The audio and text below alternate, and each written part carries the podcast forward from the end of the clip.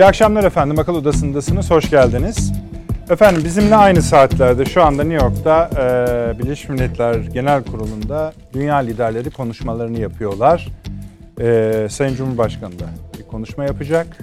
Bu konuşma muhtemelen bizim konuşacağımız bu akşam konularla da paralel olacak. Hatta aynılaşacak bir noktada.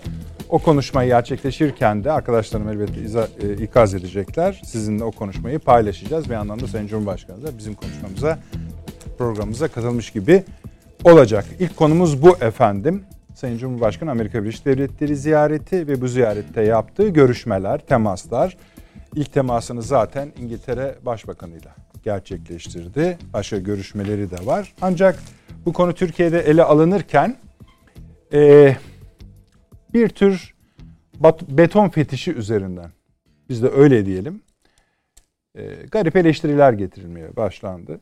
Bunlardan birincisi efendim oraya gökdelen diktiğinizde ne oldu? New York'ta zaten bir sürü gökdelen var. Şimdi bunları hani şöyle zannetmeyin. Bunlar Türkiye'nin en kalıplı televizyon programlarında tartışma programlarında profesörler tarafından söyleniyor. ileri gelen siyasetçiler tarafından söyleniyor. Hayır. İsim vermek kolay bir şey. Bu şekilde fikirleri tartışmayı ye tutuyorum ben ama bir ülkenin itibarına yönelik bir katkıyı bir de tarihi var bunun. Yani yıllar içinde birçok dışları mensubu, maliyeci hatta çünkü bir de parası vardı onun. Zor dönemlerde ödenmiş bir para. Yaptığı yaptıkları katkıları da görmezden gelerek televizyon ekranlarından çıkıp kardeşim bina işte. Bunda mı öyle? Yani beton diplomasisi diye bir şey mi var diyene kadar getirdiler. Daha çirkin bir şey, saki, çapsız bir şey ben hayatımda görmedim. Bir konu eleştirilecekse bu şekilde mi eleştirilir? Hayrettir. Ama o kişiler başka konuyu eleştirmediler. Yani eleştiremediler diyeceğim. Ya da en iyisini onlara yükleyeyim. Konudan habersizler. Efendim, Sayın Cumhurbaşkanı Amerika'ya giderken, Birleşmiş Milletler Genel Kurulu'na katılmak üzere giderken iki tane veri vardı elimizde. Birisi işte Türk evinin açılışı yapılacaktı. Orada görüşmeler gerçekleştirilecekti. Ee, buna ilişkin seremoniler de yapılacaktı. Bu bir cepti. İşte bu kadar değerlendirildi Türkiye'de. İkinci konuda hatırlıyorsunuz Sayın Cumhurbaşkanı bir kitap yazdı. Bu kitap çeşitli dillere çevrildi. Bu da Birleşmiş Milletler'in bugününe ait kritikler, eleştiriler taşıyordu ve o götürüp Birleşmiş Milletler'de genel kurulda buna neden olan ülkelerin yüzlerine bakarak söylenecekti. Bunu da nereden anlıyoruz? İşte önümüzdeki bu kitaptan anlıyoruz. Buna hiç bakılmadı efendim. İster muhalif olsun, ister ee, aynı görüşte olsun pek az kişi bu kitabın içeriğine baktı. Ben ise biraz değineceğimiz için çok çok kısa bir şekilde notlarını, başlıklarını söyleyeyim. Bir, Türkiye diyor ki Birleşmiş Milletler yeni dünya düzeni var. Bu şöyle bir tarih içeriyor. Ekonomik sorunlar var, siyasi sorunlar var, adaletsizlik, ahlak, e, ahlak sorunları var dünyada ve bir pandemiyle birlikte yeni bir sınıra geldik. Bu sınırdaki sorunları İkinci Dünya Savaşı'ndan sonra kurulan düzen karşılamıyor. Birleşmiş Milletler de bunun başat örgütlerinden, kurum kuruluşlarından bir tanesi. O da karşılamıyor. Birleşmiş Milletler'in işlevsizliği bir sorundur. Bu sorunun merkezinde de Birleşmiş Milletler Güvenlik Konseyi bulunuyor. Bunun değişmesi gerekir diyor. Dediği şey şuna geliyor efendim bu başlık altında. Hani dünya beşten büyüktür var ya buna ilişkin somut yapılması gereken bir seri öneride bulunuyor. Bir, diyor ki bu beş ülkenin elinden veto yetkisinin alınması gerekiyor. İki, yetmez. Bu beş ülke 20 ülkeye çıkarılmalıdır. 20 ülke de Birleşmiş Milletler Genel Kurulu tarafından seçilebilir ya da yenilenebilir. Bundan sonra da Birleşmiş Milletler'in bütün dünyadaki bu zulüm, eziyet, adaletsizlik, ahlaksızlık karşısında işlevsel hale gelmesi gerekiyor. Ona bağlı sağlık kuruluşları pande Birleşmiş Milletler Güvenlik Konseyi aylarca toplanamadı pandemi hakkında diyor. Şimdi çok çok kabaca anlatıyorum elbette ama bu bir eleştiri mi eleştiri, kritik mi kritik. Hatta bir meydan okumadır da. Ama bunu Türkiye Birleşmiş Milletler'in varlığına ilişkin bir tartışma açarak yapmıyor. Fakat insanlar Birleşmiş Milletler'e güvenmiyorlar. Çünkü Birleşmiş Milletler'i yöneten 3-5 tane ülke hatta bir tane ülke diyor. Doğal olarak güven ortada kalktığı için meşruiyet de ortadan kalkıyor. Ama Birleşmiş Milletler'i korumalıyız. Rehabilitasyon yöntemi de budur diyor. Birinci başlığımız bu efendim. Bundan biraz ücrez. Bu ciddi bir şey. Tabi nihayetinde son soruya geliyoruz. Tamam da Türkiye bunu teklif ediyor da e bu bahsedilen 5 ülke dediğiniz dünyanın en güçlü ülkeleri. içinde başta Amerika Birleşik Devletleri var. Birinci sorun, sorun sorumlu öyle söyleyelim. Rusya'sı, Çin'i vesairesi var. Nasıl olacak diyebilirsiniz. İşte Türkiye gibi birçok ülke şimdi bunun zamanlamasının uygun olduğunu düşünüyor. Değişime neden olması açısından değil. Onun bir başlangıç yapması açısından. Çünkü çok ağır eleştiriler var. Bir tart yani bu düzenin iyi gitmediğine ilişkin bir kabul var dünya ülkelerinde. Hatta kitabın 65. sayfasında Birleşmiş Milletler'de üye ülkelerin yaptığı 193 üyesi var efendim Birleşmiş Milletler'in. Ee, konuşmalara bakarak %73'ünün Birleşmiş Millet'ten milletlerden memnun olmadığı istatistiği ortaya çıkmış. Bu zaten bir verim. Her neyse bu cepte bir. iki. Şimdi bu geziye bakacağız. Sayın Cumhurbaşkanı konuşmasını dinleyeceğiz ama hemen arkasından Sayın Cumhurbaşkanı Rusya'ya gidecek. Bu çok önemli bir toplantı. Ruslar yani Moskova yani Kremlin diyor ki bu zamana kadar yapılmış toplantıların içinde, zirvelerin içinde en kapsamlısı olacak. Birinci maddesi de İdlib'dir, Suriye'dir diyorlar. Doğru bizim açımızdan da öyle. Birçok uluslararası yorumcu, basın kuruluşu da bu 29 Eylül olarak açıklanan Türkiye-Rusya zirvesini çok çok önemsiyorlar. Ona da bakacağız. Konuları biliyorsunuz. Şunu da not düşelim. Yeni seçimlerden çıktı Rusya. Duma seçimleri yaptı. Yani parla, alt parlamento seçimleri yaptı. Üç gün sürdü. Ee, Putin'in lideri olduğu parti birinci bitirdi. Çok ufak bir oy kaybıyla yüzde 49 aldı. Fakat Rus Komünist Partisi çok yüksek oy aldı efendim. Yüzde 20 gibi. Şimdi o da tartışılıyor cepte olsun. Tabii seçimlerden bahsetmişken bir türlü konuşamadığımız Bahri Paşa'mızın ısrarına, baskısına rağmen Almanya seçimlerine de 26 Eylül efendim kala kala bu kadar gün kaldı. Bu akşam inşallah biraz girizgah yapmıştık tamamlayacağız. İran'ın Şangay İşbirliği Örgütü'ne kabul edilmesi denebilir ki yani bölgedeki en önemli haber birçok bölgenin yazarı yani Hindistan'daki yazarlar, Afganistan'daki, Rusya'daki Sair işte Orta Doğu ülkelerindeki, Körfez ülkelerindeki yazarlar, akademisyenler diyorlar ki efendim takip ettiğimiz kadarıyla bu bloğun işi bitmiştir. Yani bu hattı tamamlıyor. Bunun arkasından Afganistan da Şangay İşbirliği Örgütü'ne katılabilir. Bundan sonrası nasıl olacak biz de çok merak ediyoruz. Ama işte hep bir yırtılmadan bahsediyorduk biz. Söküğün T'nin ilk attığı yer olarak burayı işaret edebiliriz. Şangay İşbirliği Örgütü'ne katılması İran'ın konuşacağız. Bir de tabii efendim çok az değinebilmiştik Perşembe günü ama bahsetmiştik. AUKUS anlaşması efendim. Fransa ağzına geleni herkese söylemeye devam ediyor. Amerika'ya, İngiltere'ye, bilhassa İngiltere'ye ayrı bir yer e, açıyor. Bunu da biz kabahatleriyle Batı çeperindeki yırtılmanın, kopmanın bir parçası olarak değerlendirmiştik. Bakın Afganistan'dan iş çıktı. Bambaşka bir gündeme doğru ilerliyor. Başka maddelerimiz de var. Ee, mesela ABD Merkez Bankası Başkanı bundan muhtemelen Süleyman Hocam çok ilgilenecektir bu haberle. Ee, tarihi bir mali krizin Amerika'da gelmekte olduğunu ilan etti. Ya dedi biz daha çok borçlanırız. Bu borçlanma iz, e, iznini kongre bize verir. Ya da önümüzde tarihimizdeki en büyük mali krizlerden biri var dedi. Amerika Birleşik Devletleri Merkez Bankası Başkanı. Biz bunu zaten söylemiştik demeyelim. Sizle paylaşmıştık. Avni abi hoş geldiniz. Hoş İyi bulduk. akşamlar. Süleyman Hocam hoş geldiniz. Şeref verdiniz. İyi akşamlar. Paşam hoş geldiniz. İnşallah Almanya konuşacağız. Evet. Bağlayacağız. Galiba oylarda da ufak tefek oynamalar, oynamalar var. var yani e, şeyin lehine. Türk Armin lehine evet. öyle söyleyelim. Ee, ama iki puan yani dört puanlık şeyin öndeliği devam ediyor. Devam Biraz yeşillerde de evet. konuşacağız. Avni abi evet Amerika seyahatinden başlayalım. Şimdi şu da gözüktü. Büyük yani Amerika Birleşik Devletleri Başkanı dön, dönecek konuşmadan sonra hatta yaptığı için konuşmasını dön, döndü, döndü Beyaz, bile evet. diyebiliriz. Yani kimseyle ikili görüşme yapmayacak. Hatta Fransızlarla görüşü çünkü çok işler karıştığı için görüşecekler denmişti. O da galiba olmadı. Şimdi tam bir e, işte Beyaz Saray'da İngiliz Başbakanla filan herhalde bir e, tamam onlar olabilir var. ama yani hani orada artık bir şey beklenmiyor. Esasında ilk yani konuşmayı da yaptı ve hani e, Türkiye'deki bazı haber siteleri, dünyadaki haber siteleri de bu sefer uyumadı diye verdiler. Yani söylediklerini vermediler. Başkan Biden'ın evet. konuşmasında haber niteliği olan uyumamasıydı. Onu öne çıkardılar.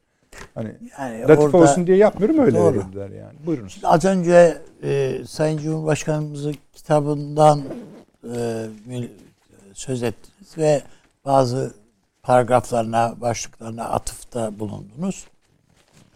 E, hemen hemen e, Birleşmiş Milletler'de yapılan konuşmaların gerek Genel Sekreterin konuşmasının gerek Amerika Birleşik Devletleri Başkanı'nın konuşmasının ile örtüşen paralel bir şey kitap içeriği. Ee, Amerikan Başkanı konuşmasında biz artık kesinlikle bir soğuk yeni bir soğuk savaş istemiyoruz dedi. Yani bunu özellikle vurguladı evet. ve Amerika'nın bu ıı, küresel ölçekte asker çekmeye devam edeceğini söyledi. Bunun üzerinde kafa yormak gerekir diye düşünüyorum açıkçası. Ve bu önemli bir şey. Yani evet uyumadığı falan falan ama yani bunlar zaten uyutacak laflar değil. Yani dinleyen istiyorsan uyusun. Ama uyursa kötü eder yani.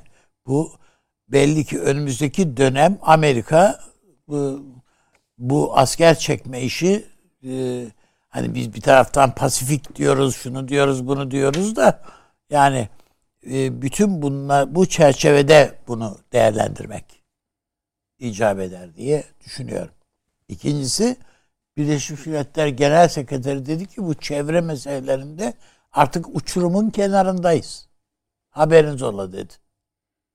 Yani herkesi uyarıyorum diye de hatta konuşmasında var. Dolayısıyla yani bakıldığında e, şimdi e, kaç ki, nedir ne kadar kişi e, Sayın Cumhurbaşkanı'nın kitabını okudu etti onu bilemem ama e, çeşitli dev dönemlerde siyasi liderler e, kendi imzalarıyla bir takım kitaplar çıkmıştır. Ben yani e, onların içerisinde herhalde çok e, sıkı hazırlanmış bir çalışma diye düşünüyorum. E, çok esaslı veriler var.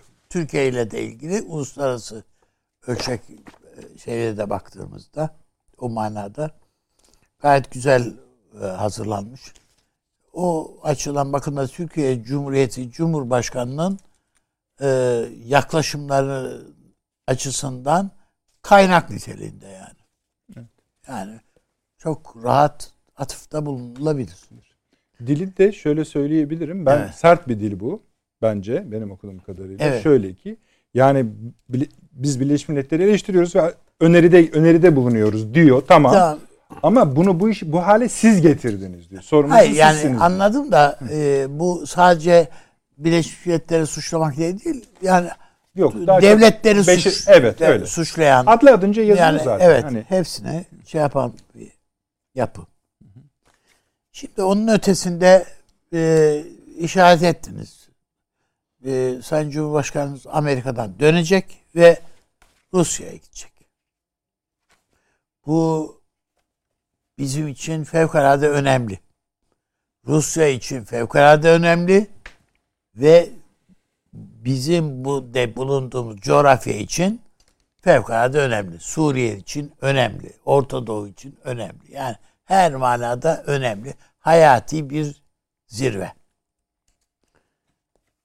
Çünkü hmm, İdlib, işte Erba, Elbap, Afrin e, coğrafyasında, bölgesinde yani Türkiye'nin kontrol ettiği de İdlib hariç yani İdlib e, İdlib'den çıkın diyorlar. Yani diğerlerini Diğerlerinde kalsanız da bir süre olabilir ama çıkın buradan. Ya da sözlerinizi yerine getirin. Bu Türkiye için ise biliyorsunuz Sayın Cumhurbaşkanı bir tarihte İdlib bırakırsak Hatay da gider filan diye konuştuydu. Hatırladınız mı? Evet. Evet. Yani hatta bir çizgi yani sıralama da var orada. Evet. Şurası giderse şurası. Şurası giderse. gibi. Yani dolayısıyla bu e, üstümüze gelen bir Amerikan baskısı da var. Yani Rusya sadece kendi talebi olarak bunu seslendirmiyor. Evet bu Soçi mutabakatında bunlar vardı. Türkiye oradaki e, bir takım unsurları temizleyeceğini ya da e, silahsızlandırmayacağını filan taahhüt etmişti. Orası ama buna ilişkin bir takım gözlem noktaları şunlar bunlar. Ama e, yani şartlar orada buna imkan vermedi. Birçok şeye. Efendim 500 bin kişilik İdlib oldu 5 milyon kişi. ne yapacağız yani? Öldürün diyorlar. Ortadan kaldırın yani bunları. Ha, Türkiye böyle bir şeye giremez. Bu bölgede e, yeteri kadar düşmanı var. Türkiye'nin bunu giremez. Ha Rusya bunu ve Amerika bunu niye bu kadar yani bu İdlib meselesini bu kadar hayati ne kadar niye böyle sonra Afrin'i ve Elbab'ı hadi sen de kalsın ama bunlar böyle İdlib filan diye. Birincisi Türkiye kendini angaje etti İdlib konusunda. Bunu kırmak istiyorlar. Bu yani iddianızı bir ortadan kaldıralım, bir bölelim bunu. Bir, bir tükürdüğünü yalatmak gibi bir şey yani. Bak bak. Bunun için istiyorlar bir. iki e, örgüt yani PKK, PYD bunu bir var olma yok olma kavgası olarak görüyor. Yani eğer bizi önemsiyorsanız biz burada var bizle bir şeyler yapmayı düşünüyorsanız bu hem Rusya'ya söyleniyor hem Amerika'ya bu Türkiye'yi buradan temizleyin kardeşim. Ha diyeceksiniz ki yani ya diyeceğiz ki ya bu PYD bu kadar güçlü mü? Bu gerek Rusya'nın gerekse Amerika'nın PD ne kadar paçasını kaptırdığını bilmediğimiz için şu anda. Yani Türkiye'de biliyorsunuz bir takım e, kaset şantajları yapan filan filan onunla maruf bir örgüt türedi. Bu örgüt gibidir yani bazı yönlerden. E, ne kadar paçayı kaptırdılar, ne yaptılar Amerika onlar bilinmiyor. Nitekim bundan dolayı Amerika efendim bu adamların en önemlilerini işte bu Mackenzie efendim General Mahzun filan onları Amerika'ya çağırdı. Oturalım bir konuşalım diye. Geçen programda ben Amerika gidiyor. Gidişte bu hani el sallama kabilinden yani veya nasıl yapacağız bu işi bu şeyi kabilinden bir davet diye ifade etmiştim. Yine aynı kanaatteyim. Yani Amerika buradan çıkıyor. Zaten kendisi de söylüyor. Yani Biden. Abi kendisi yani biz, söyler de sen onun söylediğine ne bakıyorsun? Hayır yani benim de benim söylediğim yani burada Rusya ile bir mutabakat sağladı. Yani biz gidiyoruz gider ayak bunları sana emanet ediyoruz. Burayı temizlettir diye. Temizlettir diyor. Ee, Rusya bunu yapma niyetli mi? Niyetli. Ama bu ne olur, nasıl yapılır, ne kadar yapılır onu bilmiyoruz. İşte bu ziyarette, bu zirvede bu görüşülecek. Türkiye neyi yapabileceğini, neyi yapmayacağını. Yapamayacağını değil. Adam öldürmek kolay. Ne olacak yani bombaları yağdırırsın. O 5 milyon insan orada ölür. Çoluk çocuk. Ne yani Rusya bunun kendi gözünde hiçbir öneminin olmadığını gösterdi. Yani hastaneleri, okulları bombaladı. Bombaladılar. Aynı noktada. Onun için yani Türkiye böyle bir şeyde neyi yapamayacağını orada daha rahat seslendirecek. Peki. Ee, ben e, bu gezinin en önemli tarafının o bakımdan e, bu olduğunu, bu zirvenin fevkalade şey e, önem taşıdığını düşünüyorum. Peki. E, ama burada bir şeye herhalde hocalarımız da kendi yani bu şeyime katılırlar. Türkiye şu ana kadar bütün bu mücadele içerisinde yani evet biz e, PKK, PYD filan diye meselelere bakıyoruz orada. Ama Türkiye nasıl bir Suriye istediğini daha ortaya koymuş değil. Amerika nasıl bir Suriye istediğini koydu. PYD'nin bilmem orada bir devletçiye sahip PKK'nın orada bir devletçiye sahip olduğu bir Suriye istiyorlar. Rusya nasıl bir Suriye istediğini Rusya da koydu ortaya. Yani bir kendisinin Akdeniz'de hakimiyetini sürdüreceğini, efendim e, PD'ye filan kefil veya hami pozisyonunda olacağı bir ve tabiatıyla Esed'in güvenlik içinde iktidarını sürdüreceği bir Suriye istiyoruz ya.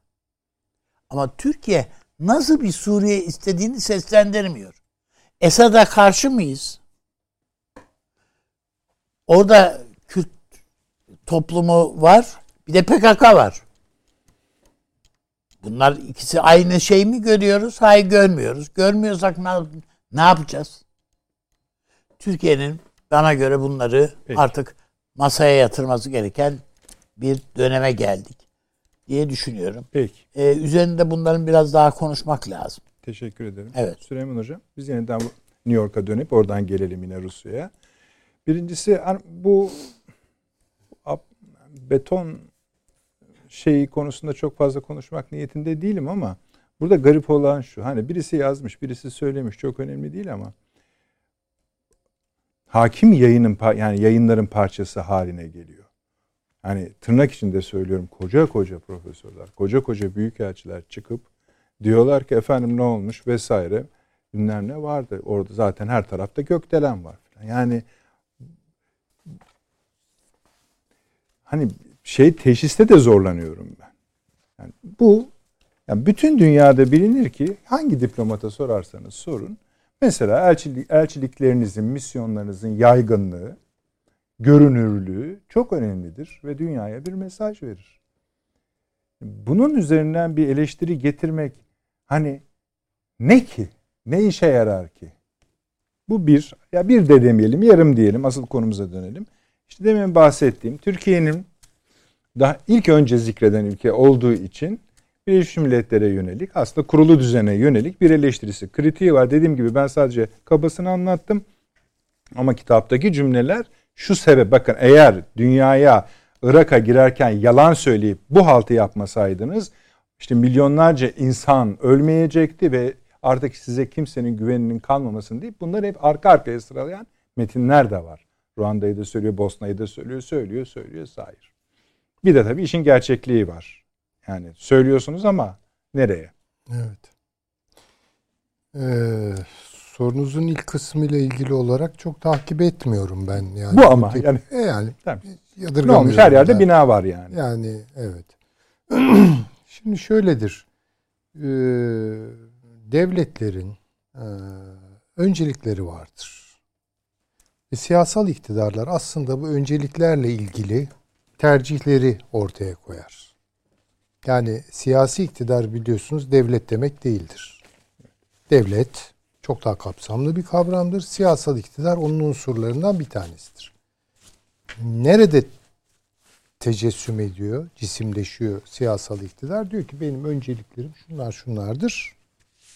Vatandaş reyini verir, beni seçerse ben de iktidar olurum. Partiler de bunun yarışını yaparlar. Ee, öncelikler basit kalemler meselesi değildir. Yani şöyle söyleyeyim.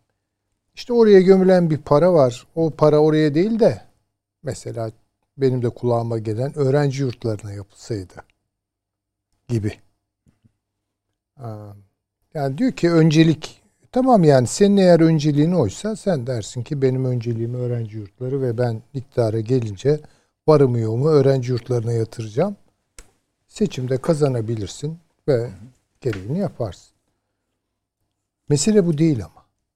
Yani keşke bu kadarla sınırlı olsa. Yani Zaten öncelikler meselesi öbürüne değil. göre bile makul sayılabilen bir şey. Ya, tabii bu ha, makul yani, sayılır yani. Gerçeği yansıtmamasına işte, rağmen öyle evet. Tarıma daha çok e, tamam. yatırım yapacağım e, veya işte otomotiv sektörüne e, ayırdığım kaynakları tarım sektörüne aktaracağım filan. Bir şey diyebilirsiniz yani. Bunlarda bir şey yok. Bu kadar hani hani bunlar meseledir ama kavga mevzu değildir.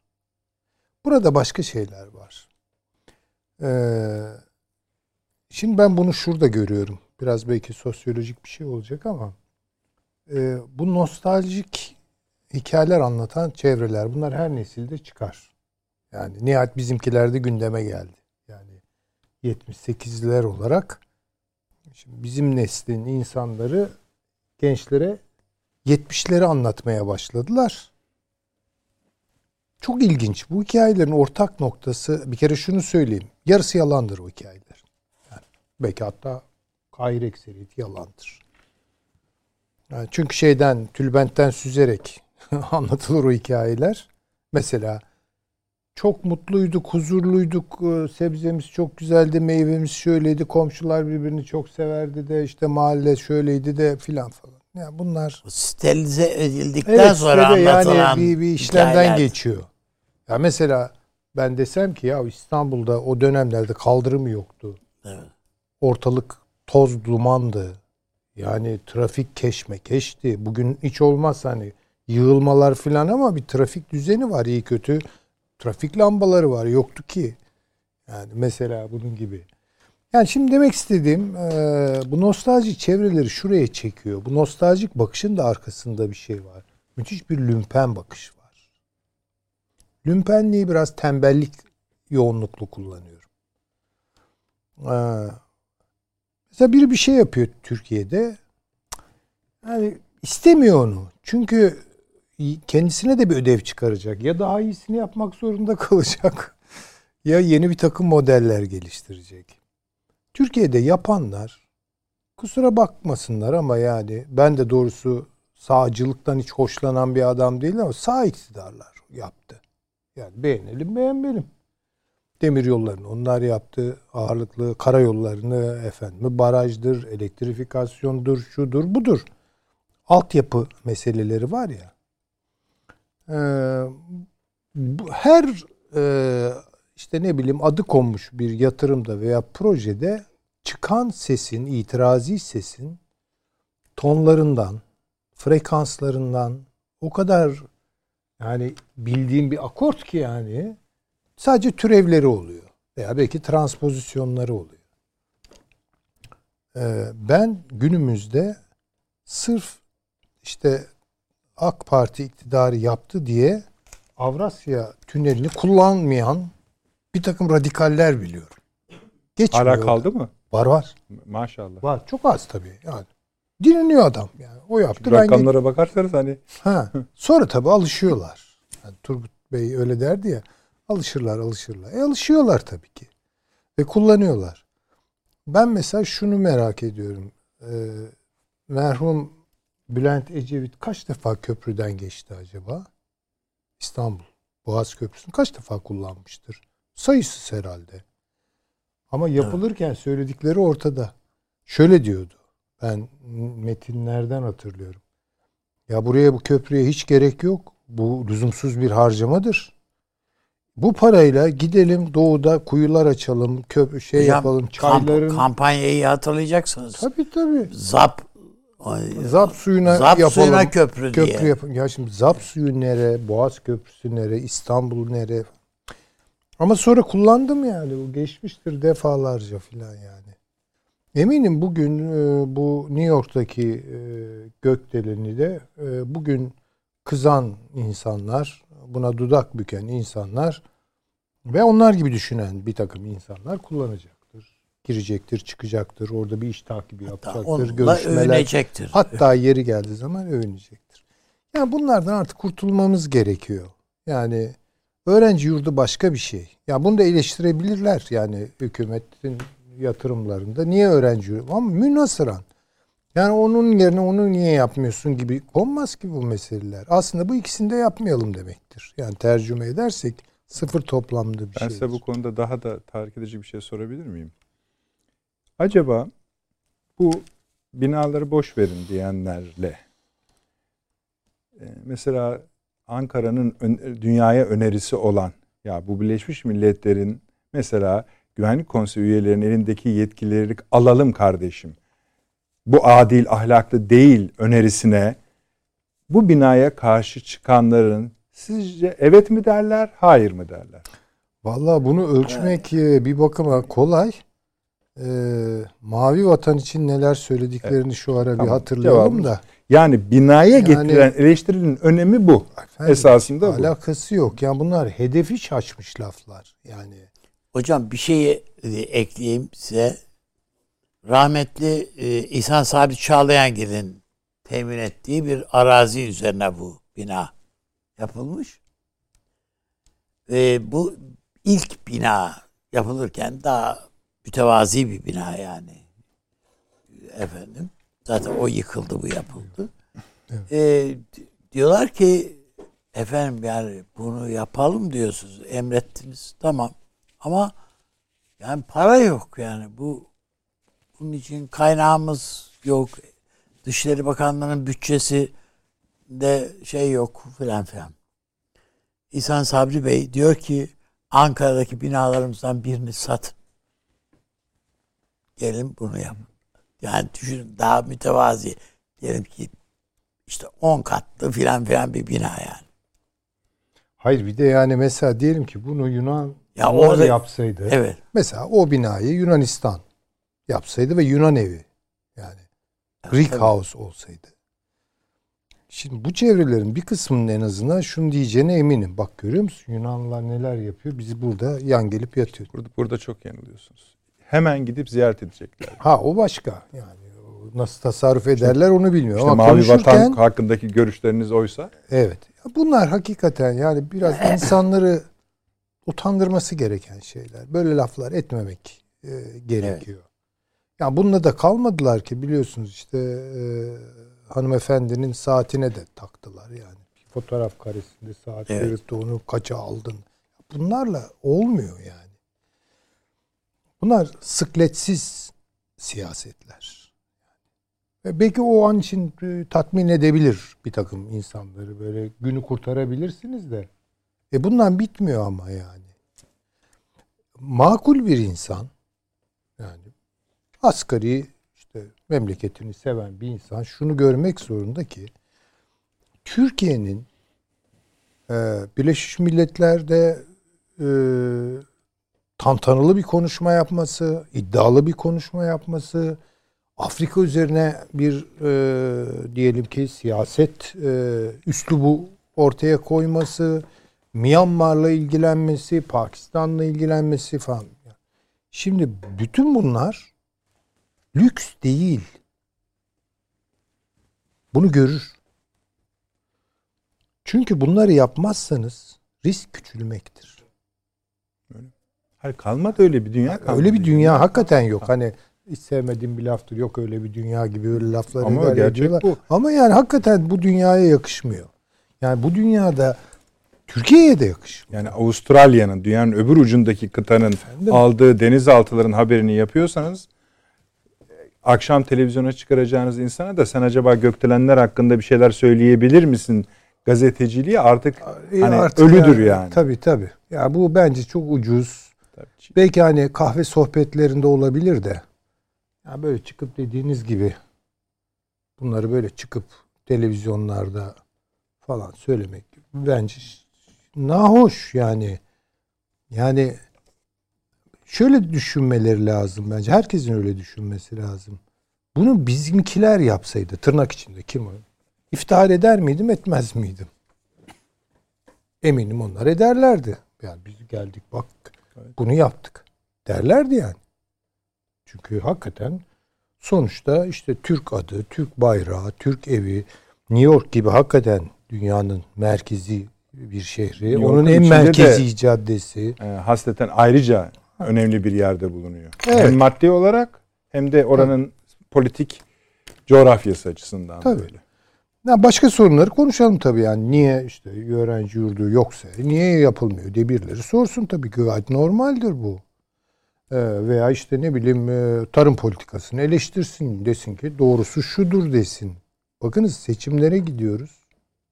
Ben üzülüyorum çünkü dengesiz bir siyasal iklim bu. Yani işte ne konuşuyoruz? İşte bir takım böyle muhalefet e, odakları bir aday peşinde. Neymiş o aday? Yani Erdoğan'ı yenecek. Ya bu bir program meselesi değil mi? Nerede sizin programınız? Ya önce bir program oluştur. De ki ya yanlışlar şunlar şunlardır. Biz de şu ittifak olarak aramızda toplandık. Doğrularını böyle ta- tarif ediyoruz. Bu doğrulara sahip çıkacak bir adayı da yeri geldiği zaman sunacağız. Der geçer ne- gidersin. bura- yani tam o hocam.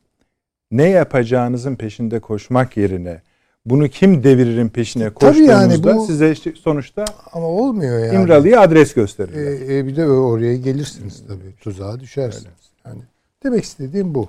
Yani hakikaten bir e, Türkiye'de iktidarın da sorunları vardır eminim. Muhalefetin de var sorunları. Yani bunları bence yani herkes kendi bulunduğu yere göre biraz tartmalıdır herhalde. Şimdi gelelim Şey- asıl asıl. Ha Birleşmiş Milletler meselesi. Şimdi Tabii bakınız. onun üzerinden düzene yönelik bir eleştiriye getiriyor. Metin üzerinden konuşuyorum. Şimdi şöyle bir şey var. Ee, 1989'da işte duvar yıkıldı.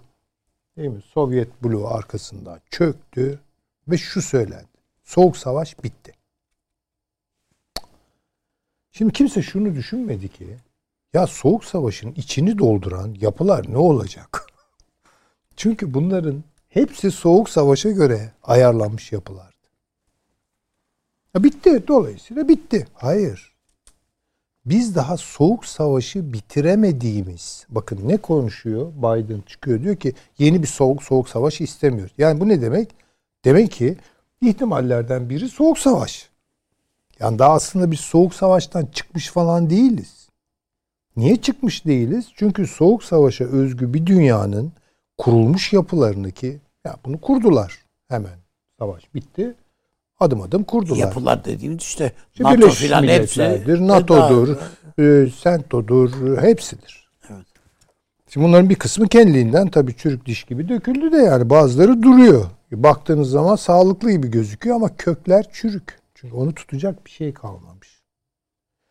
Birleşmiş Milletler buna benzer kuruluşlar. Yani çok uluslu veya uluslararası veya veya bazen uluslararası artık çeşitli tasniflere uğruyor.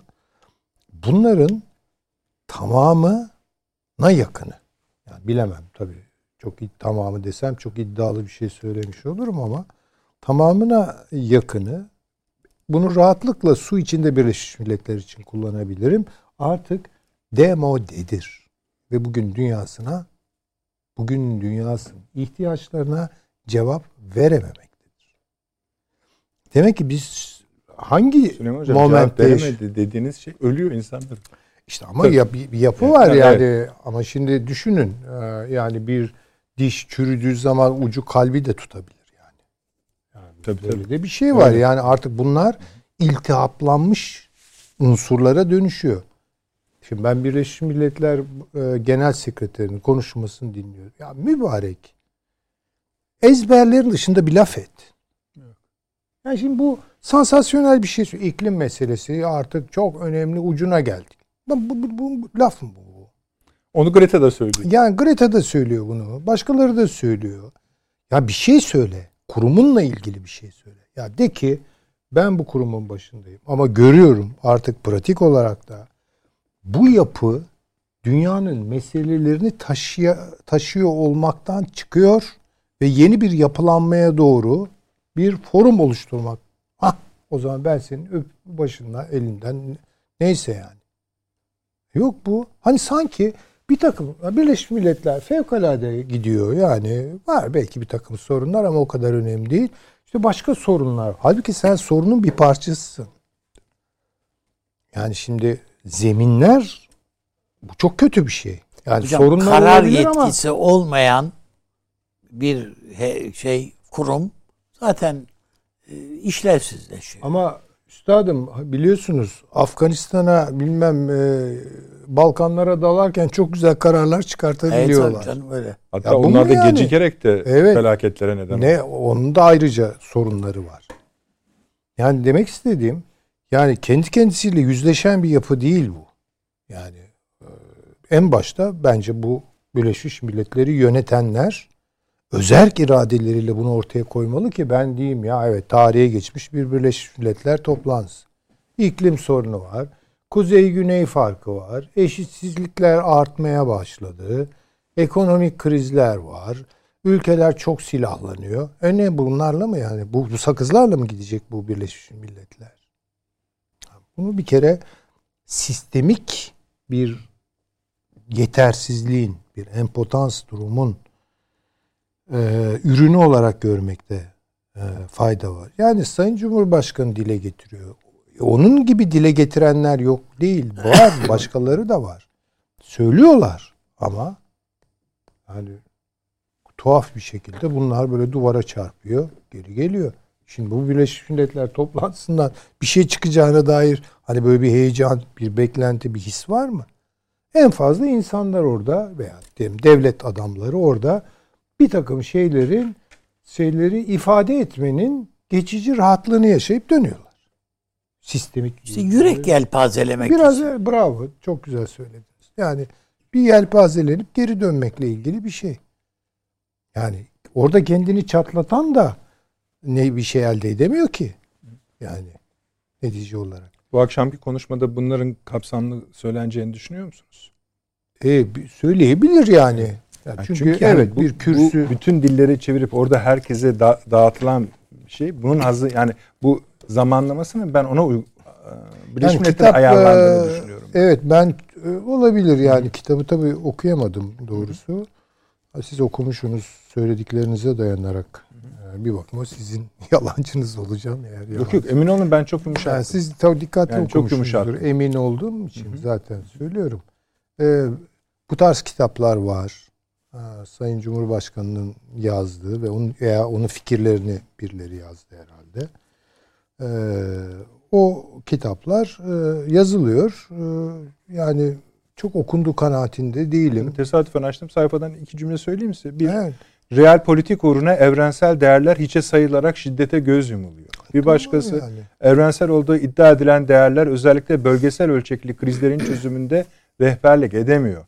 BM giderek meşruiyeti sorgulanan, işlevselliği değil, meşruiyeti sorgulanan bir örgüte dönüşüyor ve her geçen gün meşruiyeti daha çok sorgulanıyor. Doğru. Çünkü kimse güvenmiyor. Tabii Avrupa Birliği için de inanın ben Tabii. bunları söylerim. Çünkü soğuk savaş ürünüdür o da.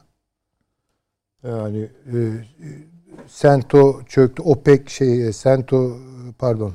yani Varşova Paktı çöktü. E, Komintern çöktü diye. Yani onlar mı çöktü sadece? Yani o çöküşün bir uç tarafıydı. Ama esas diğer yapılar yavaş yavaş yavaş yavaş o çöküşe geçtiler. Yani bunun dolayısıyla yeni bir dünya kurmak hakikaten çok farklı bir tecrübe üzerinden. Bunu söylenir söylerken de ürperiyorum. Yani çok ağır bir bedeli yaşayacak ki insanlar.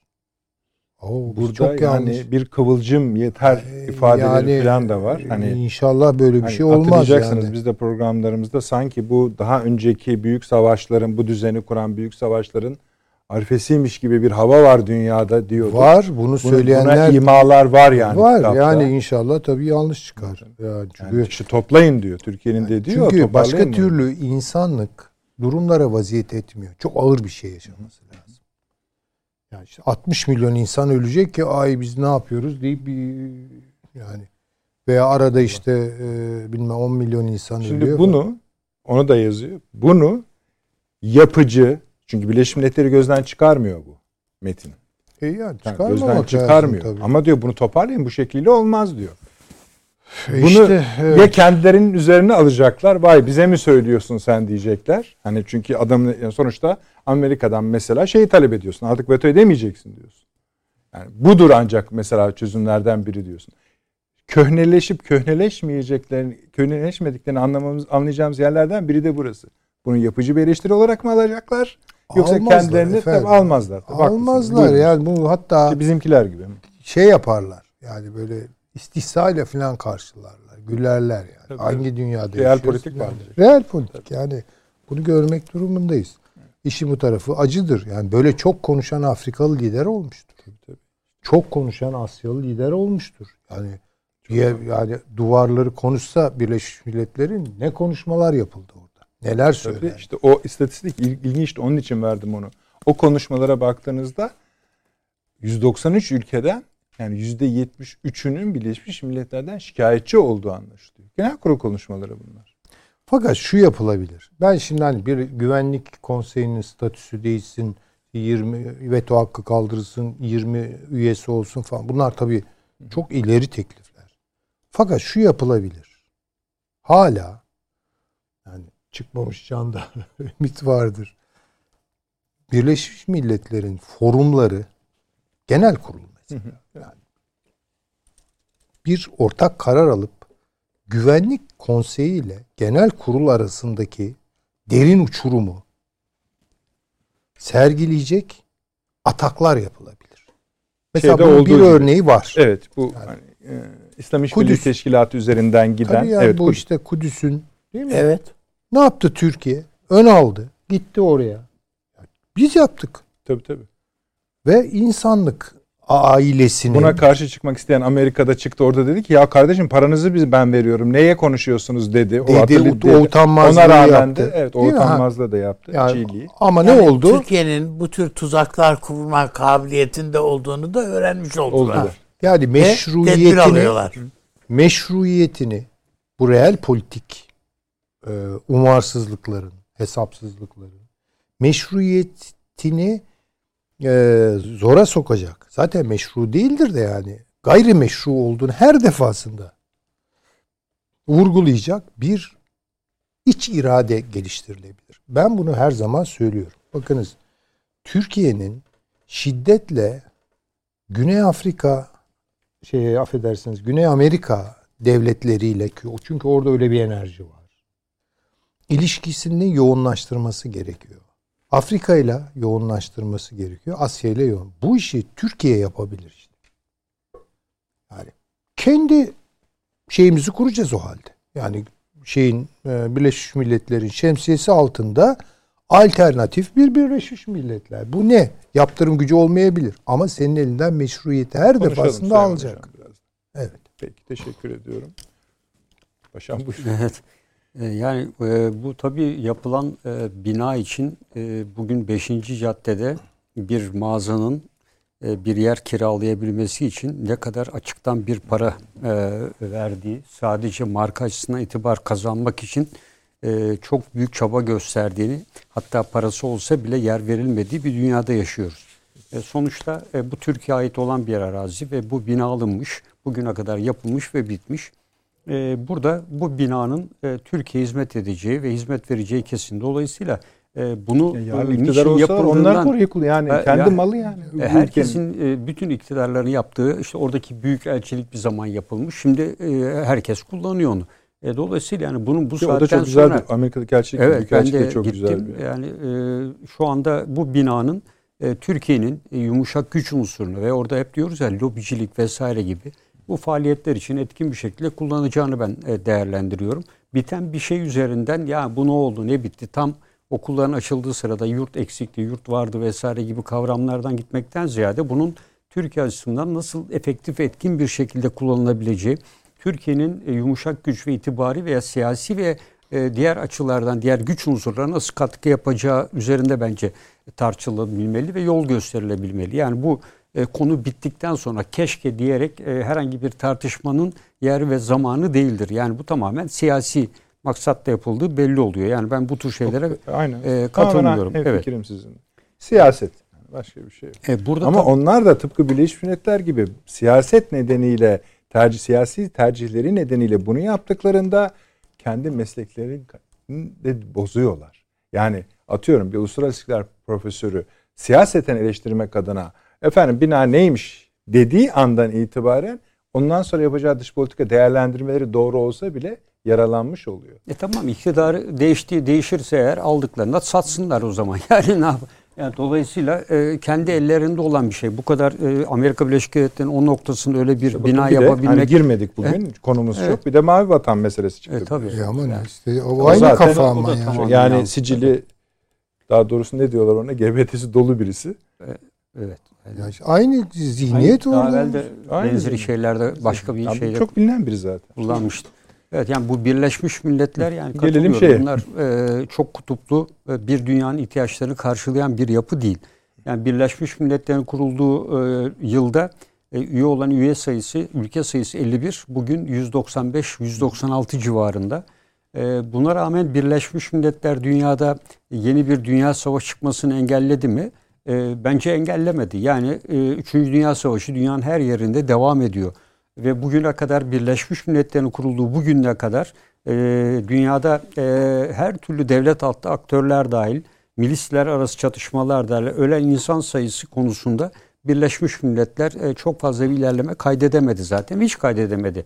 Yani bugün Birleşmiş Milletler kararıyla yapılan operasyonların örneğin e, Kore Harbi'ne baktığınızda Birleşmiş Milletler kararıyla gitmiştir. Türkiye'de katılmıştır. Sonuç ne olmuştur?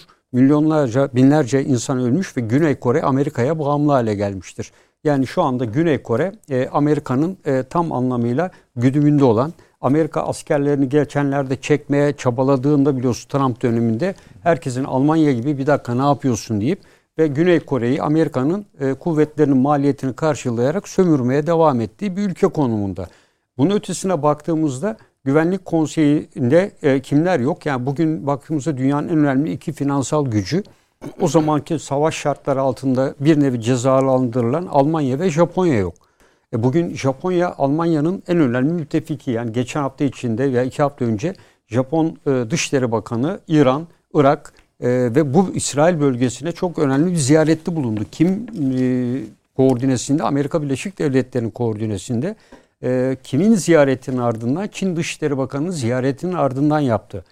E, yeniden Asya kavramı bence e, önemliydi. Özellikle önemli bir onu. vurgulamaydı ve oradan itibaren Doğu Batı açısından Türkiye'nin jeopolitik konumunun e, tekrar e, vurgulanması. Ama esas olarak son bölüm ağırlıklı iklim değişikliği konusundaydı. Bu konuda tabii Avrupa Birliği'nin yeşil mutabakatına uyum sağlanması, e, e, konusunda çalışmaların yapılması, strateji belgesinin hazırlanması çok önemli bir vurgu. Çünkü bu e, önümüzdeki yıllarda bizim turizmimizden dahil bütün e, Avrupa ile olan ilişkilerimizi etkileyecek. E, daha belki e, programlarda da vurgulamıştık. İşte bir otel suyunu nereden alıyor vesairesi, işte bunu ısıtan enerji nereden kullanıyor gibi her şeyi belgelemek zorundasınız.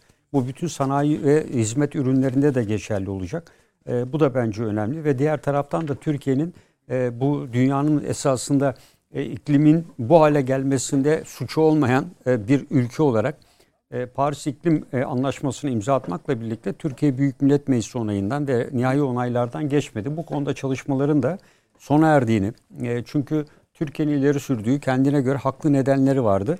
Bugün e, Çin'in e, dünyaya e, saldığı karbon e, emisyonlarının haddi hesabı yok. Hiçbir şekilde kimse durduramıyor. Amerika aynı şekilde durmak istemiyor. Hayır zaten evet. Türkiye'nin bu konuda herhangi bir tarihi mesuliyeti bulunmuyor. Yok tabii. Biz tabii. kirletmedik. Evet. Önce Amerika sonra diğer büyük ülkeler. E, hatta Almanya bile biliyorsunuz Evet. Volkswagen konusunda ne yaptığını biliyorsunuz. Yani bilgisayarlı üzerinden oyunlar oynayarak e, e, e, karbon emek, e, emisyon oranlarını düşük e, kıyamet Amerika, oradan evet. koptu zaten. E, Avrupa'nın birçok ülkesinde de benzeri sistemler yapılıyor. Dolayısıyla bunu e, gelişmiş olduklarını iddia eden ülkelerden bunların hesabının sorulması gerekiyor ve dünyayı bu hale getirenler de onlar. E, burada tabii e, kalıcı barış şeklinde bir e, ifadede bulundular. Yani bu da e, son derece önemli ama e, şu anki Birleşmiş Milletler'in yapısıyla bu kalıcı barışı e, sürdürmesi ve tesis etmesi asla mümkün değil. Tabii 3. Afrika-Türkiye zirvesinin Türkiye'de yapılması da son derece önemli. Türkiye-Afrika ilişkilerinin e, gelişimi kapsamında bu konu önemli. Tabii Doğu Türk, e, e, Uygur Türklerine e, burada e, atıfta bulunması, yine Keşmir e, sorununa değinilmesi, E, bunun dışında e, Karayiplere kadar varana kadar Türkiye'nin e, sadece yakın çevresiyle ve ilgi alanlarıyla dünyanın geneliyle de Myanmar, Bangladeş olayları dahil, konusu dahil e, geneliyle de e, ilgilendiğini ve buradaki e, siyasi gelişmeleri takip ettiğini e, de gösteren bir e, konuşma oldu. E, tabii burada e, bir önemli vurgu da herkese karşı DAEŞ'in e, yenilgiye uğratan tek NATO müttefikinin Türkiye olduğunun e, vurgulanması ve Doğu Akdeniz Konferansı'nın hala gündemde olduğunu, Doğu Akdeniz'de bugünkü sükunetin devam etmesi için de e, buna bence e, en son olarak da şunu ifade edeyim bu konuda. Afganistan'a kardeşlik görevimiz devam edecek. Yani bu da e, yani siz orada bize görev verseniz de vermeseniz de ve herhangi bir şekilde olmasa da Afganistan'la olan tarihi bağlarımız ve kardeşlik görevimizin aynı şekilde devam edeceğini vurgulanması da e, son derece önemliydi. E, dayatmalarla bugüne kadar hiçbir şekilde sonuç alınamadığını bir kez daha e, daha adil bir dünyanın evet, mümkün olduğuna mümkün inanıyoruz diyerek. Belirtti. Evet. Yani bu doğrultuda biraz evvel giderken işte en son Birleşmiş Milletler'in müdahale ettiği ve çok sayıda insanın ölümüyle sonuçlanan olaylar. İşte Kore ile Kore Savaşı ile başlamıştık. Kore Savaşı'nın çıkış nedenleri o kadar çok e, basit Birleşmiş Milletler'in müdahale etmesi Amerika'nın buraya müdahale etmesidir. Biliyorsunuz Amerika Monroe doktrini, Monroe doktriniyle yalnızcılık politikasından ilk kez Filipinlere asker göndererek o zaman e, şu anda yaptığını esasında o zaman yapmaya başladı. Ta e, 2. Dünya e, Kore Harbi'nden 1950 yıllardan çok çok önce ve arkasından da e, Kore Savaşı'yla da Güney Kore'yi tamamen kendine bağımlı hale getirdi. İkinci Dünya Savaşı ile Almanya ve Japonya'yı kendine bağımlı hale getirdi. Marshall yardımıyla da Avrupa Birliği adı altında teşkilatlanmış bütün ülkeleri kendine bağımlı hale getirdi. Esasında Birleşmiş Milletler'in yapısına baktığımızda bugün işte Avrus projesiyle e, nükleer denizaltı hemen herkes nükleer denizaltı en çok sahip olan ülke kim diye bakıyor. E, beş ülke. Öyle. Evet onlara bir tek Hindistan eklenebilir. Onun dışında 5 ülke var. Yani bunlar Güvenlik Konseyi'nin 5 ülkesi. Dünyada en çok silah üreten ülke bu 5 ülke. Dünyada en çok silah satan ülke bu 5 ülke. E dolayısıyla bütün bunları bir araya koyduğunuz en çok nükleer silah sahip olan bu 5 ülke. E, diğer ülkelere e, her şey yasak. E, nükleer silahların yayılmasının önlenmesi anlaşması kapsamında nükleer sisteme sahip olmayacağı iddia edilen ülkeler var. E peki Hindistan'a bu imkanı verdi. Arkasından gitti şimdi Avusturya'ya verdi. Avusturya örneğin e, uranyumu nasıl zenginleştirecek? Nereden alacak? Bu teknolojiyle bu anlaşmaya aykırı değil mi? Kesinlikle aykırı. E, dolayısıyla e, Birleşmiş Milletler artık e, dünya üzerinde bence hiçbir e, geçerli bir etkisi olmayan bir ülke. Dört tane sadece Dağlık Karabağ'da Azerbaycan'ın haklı olduğuna ve Ermenistan'ın işgalinin son vermesine dair yayınladığı, aldığı karar var. Hiçbiri uygulanmadı. İsrail-Filistin meselesinde alınan kararlar var. Bir sürü kararlar. Kıbrıs konusunda alınan kararlar var. Ee, hiçbirinin e, uygulandığı bir süreç olmadığını görüyoruz. E, ve bu tabii e, Amerika Birleşik Devletleri'nin e, dediğim gibi tamamen güdümünde ve bugün aidatını ödeyen ülkeler listesine baktığınızda neredeyse 193 üyenin %70-80'inin e, aidatını ödemediğini görüyoruz. Yani dolayısıyla böyle bir düzen içinde yani orada on binlerce insan çalışıyor e, ve e, hiçbir sonuca ulaşmayan bir de akademisi var. Yani Birleşmiş Milletler'in orada bu faaliyetler için kullandığı bir akademi de açtılar New York'ta. E, ama dünyadaki gelişmelere baktığımızda e, hiçbir e, sonucun elde edilemediğini görüyoruz. Ee, şimdi mesela uzay konusu var. Uzay konusunda 1970'li 50 yıllarda yapılan bir anlaşma var. Onun dışında günümüz ihtiyaçları karşılayan uzay konusu yok. Esas tehlike uzaydan. Örneğin siber saldırılar artıyor. Siber uzay konusunda yok. Mülteciler konusunda hiç kimse bir şey yok. Her ülke e, kendi gücüne göre bir şey söylüyor. E, Birleşmiş Milletler bu yapısıyla e, ki Afganistan'da meydana gelen savaş suçlarını niye sorgulamıyor? Uluslararası Savaş Mahkemesi'ne niye sevk etmiyor? Madem Birleşmiş Milletler kendi kontrolünde yaptığı NATO'yu e, İSAF harekatı için görevlendirildi. Bunların hiçbir geri dönüşü yok. Amerika 10 kişiyi yanlışlıkla öldürdük. Özür dileriz diyor 7 çocuk. E nerede yargılanacaklar bunlar? Birleşmiş Milletler hani eşit adil bir dünya için e, kurulmuştu. Bunlara olan müdahalesi nerede? Niye Amerikan Güvenlik Konseyi'nde Amerika kınanmıyor? E, veya genel kurulda niye kınanmıyor? 10'dan 7'si çocuk olmak üzere. Üstelik e, her iki kurumda Pentagon CIA birbirini suçluyor. Evet, e, bunun sayısı örnekleri var yani dünya üzerinde. E, bu yüzden de e, dünya e, artık çok kutuplu hale gelmiştir. Tek bir gücün hegemonik etkisi altında kalan bir dünya yoktur. E, o yüzden Amerika Birleşik Devletleri şu anda Birleşmiş Milletler'in bu düzeni de bozan esasında daha sonra kurulan diğer örgütlerdir. Yani NATO ona karşı Varşova Paktı, Afrika Birliği, Şangay e, İşbirliği Örgütü, Kolektif e, Güvenlik Örgütü. E, çünkü Birleşmiş Milletler'in elinde bunu uygulayacak silahlı bir gücü yok. İşte Fransa'da Macron da aynı şey demiyor mu? E, ben size defalarca söylüyorum. Avrupa Birliği'nin güvenlik e, boyutu yok. İşte Amerika'nın oyuncağı oluruz demeye getiriyorlar. Yani bu bunu e, sık bir şekilde gündeme getiriyor ve dün yine açıklama yaptılar. Güvenlik boyutunda stratejik pusula üzerine ilerliyoruz. Ama birçok ülkenin muhalefeti var. E, Amerika yanlısı olanlar e, Avrupa'nın bir güvenlik ordusuna sahip olmasına kesinlikle karşı. Yani PESCO yapılanmasına. E, baktığımız zaman kimler bunlar? E, Amerika Birleşik Devletleri etkisi altında olan ve Rusya ile e, cephe konumunda olan ülkeler. E, bu konular e, Avrupa Birliği'ne güvenmiyorlar açıkçası ve Amerika'nın kendilerine bu konuda Rusya'ya karşı destek sağlayacağı e, ümidiyle Avrupa'nın PESCO yapılanmasının karşısında e, yer alıyorlar. E, bu açıdan bakıldığında dediğim gibi e, Sayın Cumhurbaşkanı söylediği Türkiye'nin de e, kesin olarak bütün politikacılara dikkate alması gereken bir konu. E, bu sadece e, bu yapılanma açısından değil ama bu yeni bir dünya savaşı çıkmadıkça da e, bunun ben e, ben geri adım atacaklarını hiç düşünmüyorum. Yani bunu e, evet bunu e, Üçüncü Dünya Savaşı için dünyada çıkacağına dair bir araştırma makalesi var. Altı nokta var. En kuvvetli bölge Güney Çin Denizi. Evet. E, Şu anda yani da, evet. Arkadaşlar e, canlı verebiliyor muyuz hala genel kurulu? Yok. Çin Devlet Başkanı. Da o da gözüksün en azından. Evet Tamam. yani e, Çin e, ve bu bölgede e, bence e, savaşın kaçınılmaz olduğu, en azından gerginliğin çok çok artacağı e, bir bölge olarak gündeme geliyor. Bu düzene girdikten sonra e, Amerika'nın her ne kadar daha ekonomik, askeri gücü açısından e, daha henüz diğer ülkelerin onun önüne geçebilecek bir e, fazla bir etkisi olmasa da e, Çin'in tabii ekonomik gücü e, bu konuda Amerika Birleşik Devletleri'ne ciddi etkide bulunabilir mi? Bence Biden'ın e, şu anda yaptığı 180 derece dönüş hani diyorlar ya medyada Trumplaşma deniyor. Önce Amerika kavramına sıkı sıkıya sarılmışa benziyor. E, çünkü e, kısa bir zaman sonra hem temsilciler meclisi hem senatoda yenileme seçimleri yapılacak. E, bu seçimlerle bugüne kadar Biden'ın politikasının başarısı bulunması hem iç hem dış politikada Biden'ın ciddi bir şekilde her iki tarafta da e, milletvekili... hiç içeride iyi gitmiyor. Evet işte her iki tarafta da e, hem dış hem iç politikada başarısızlığı e, Trump yanlısı politikalara gönderdi. Çünkü Trump'ın destek oranı giderek yükseliyor. Hem temsilcilerde hem senatoda oy oranını yükselteceğini e, düşünerek e, geri adım attığını düşünüyorum. Ve artık çok uluslu örgütlerin bence dönemi sona ermiştir. Bölgesel ittifaklar yani bu bir örgütsel yapı içinde değil. Mesela ben e, Şangay İşbirliği Örgütü'nün yapısıyla Avrupa Birliği'ni veya NATO'yu karşılaştığınızda Şangay İşbirliği Örgütü'nün e, daha işlevsel olduğunu düşünüyorum. Oraya yani bu evet, geleceğiz inşallah. Evet. Çünkü İran'ın katılmasıyla evet, birlikte daha, da daha doğrusu İran artık tabii. kapıyı açtılar. O zaten katılmak istiyordu.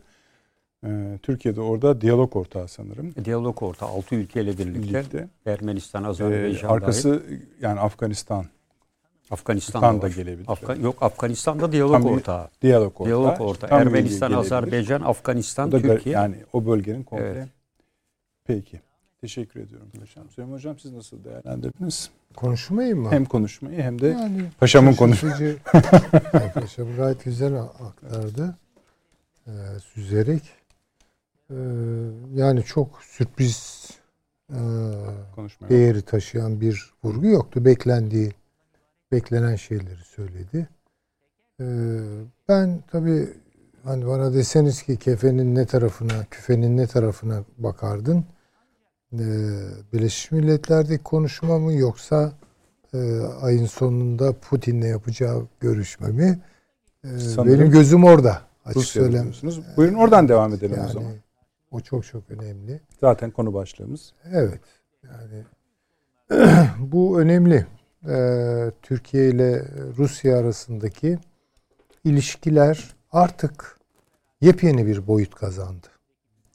Bunu basit olarak işte dostluğa dönüşmesi, ittifak oluşturması, stratejik derinlik kazanması veya buradan e, uzaklaşması gibi e, prensiplere oturtmak çok zor. Bir kere Rusya Türkiye olmadan e, ne Kafkasya'yı düşünebilecek, ne Karadeniz'i düşünebilecek, ne de Asya'yı düşünebilecek.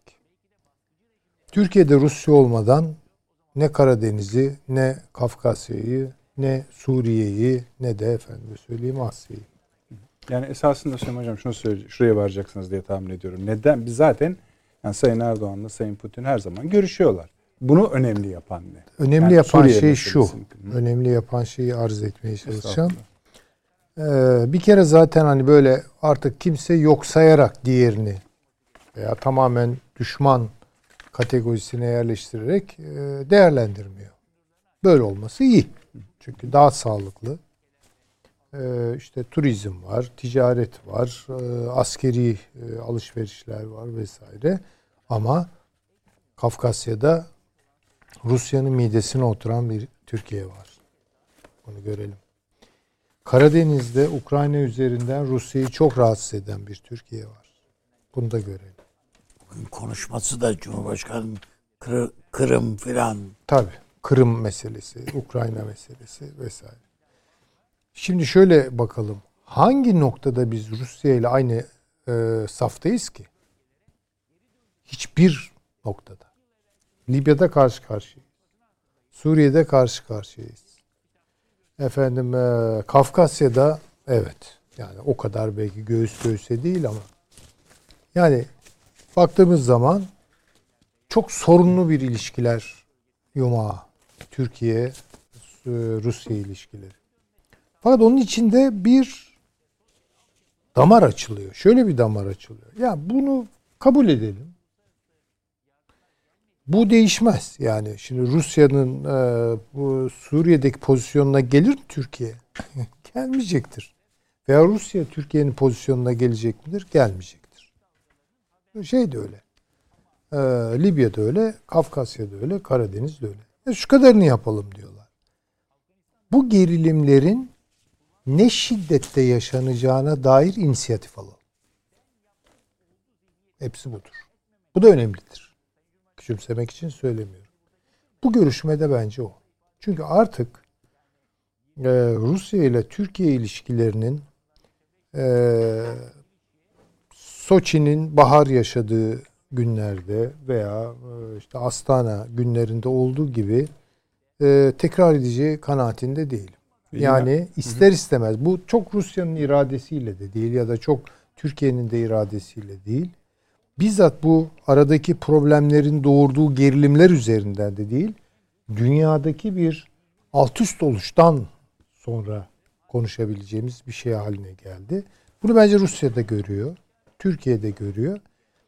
Bir kere sorunlu bir döneme giriliyor. Bu sorunları biz hangi ölçülerde e, yöneteceğiz?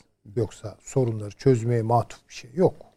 Bizi İdlib'de de sıkıştıracaklar. Kafkasya'da da sıkıştırılacak. Biz de onları bilmem Ukrayna üzerinden sıkıştıracağız veya Kafkasya üzerinden sıkıştıracağız. Bütün bunlar olacak.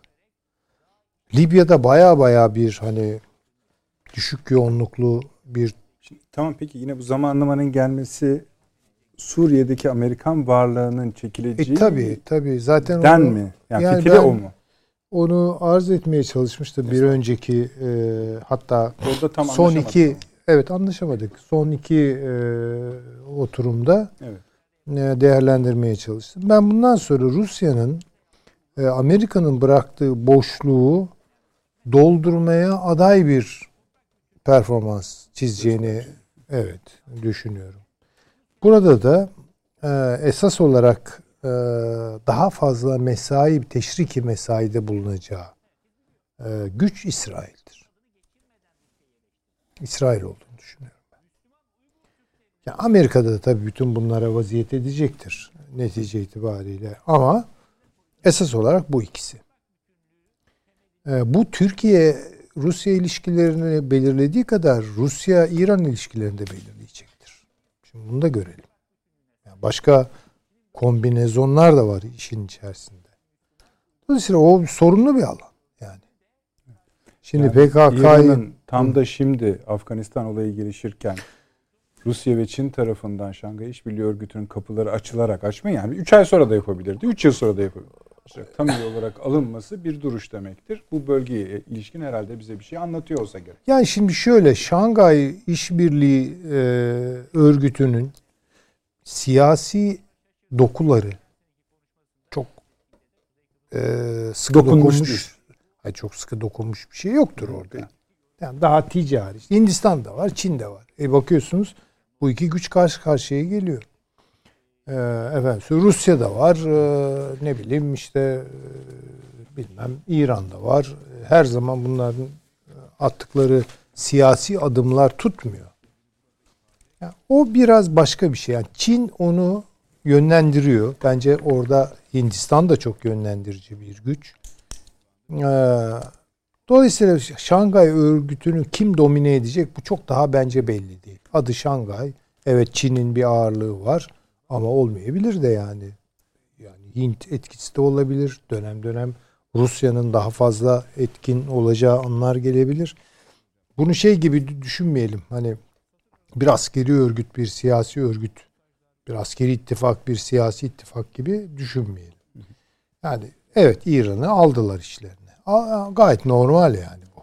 Tamam, Bunun bir siyasi kutuplara göre bir yer tutuyor. Tabii, tutuyor tabii. tabii. Bir ama işaret veriyor. Bu nereye Veriyor. aittir sorusunun bir karşılığı var. Yani İran, e, Çin ve e, Amerika Birleşik Devletleri ve İngiltere arasındaki gerilimden fırsat doğurmaya çalışan, rüzgar yakalamaya çalışan bir durumda ve bunda da başarılı olabilecekleri ortamları yakalıyorlar.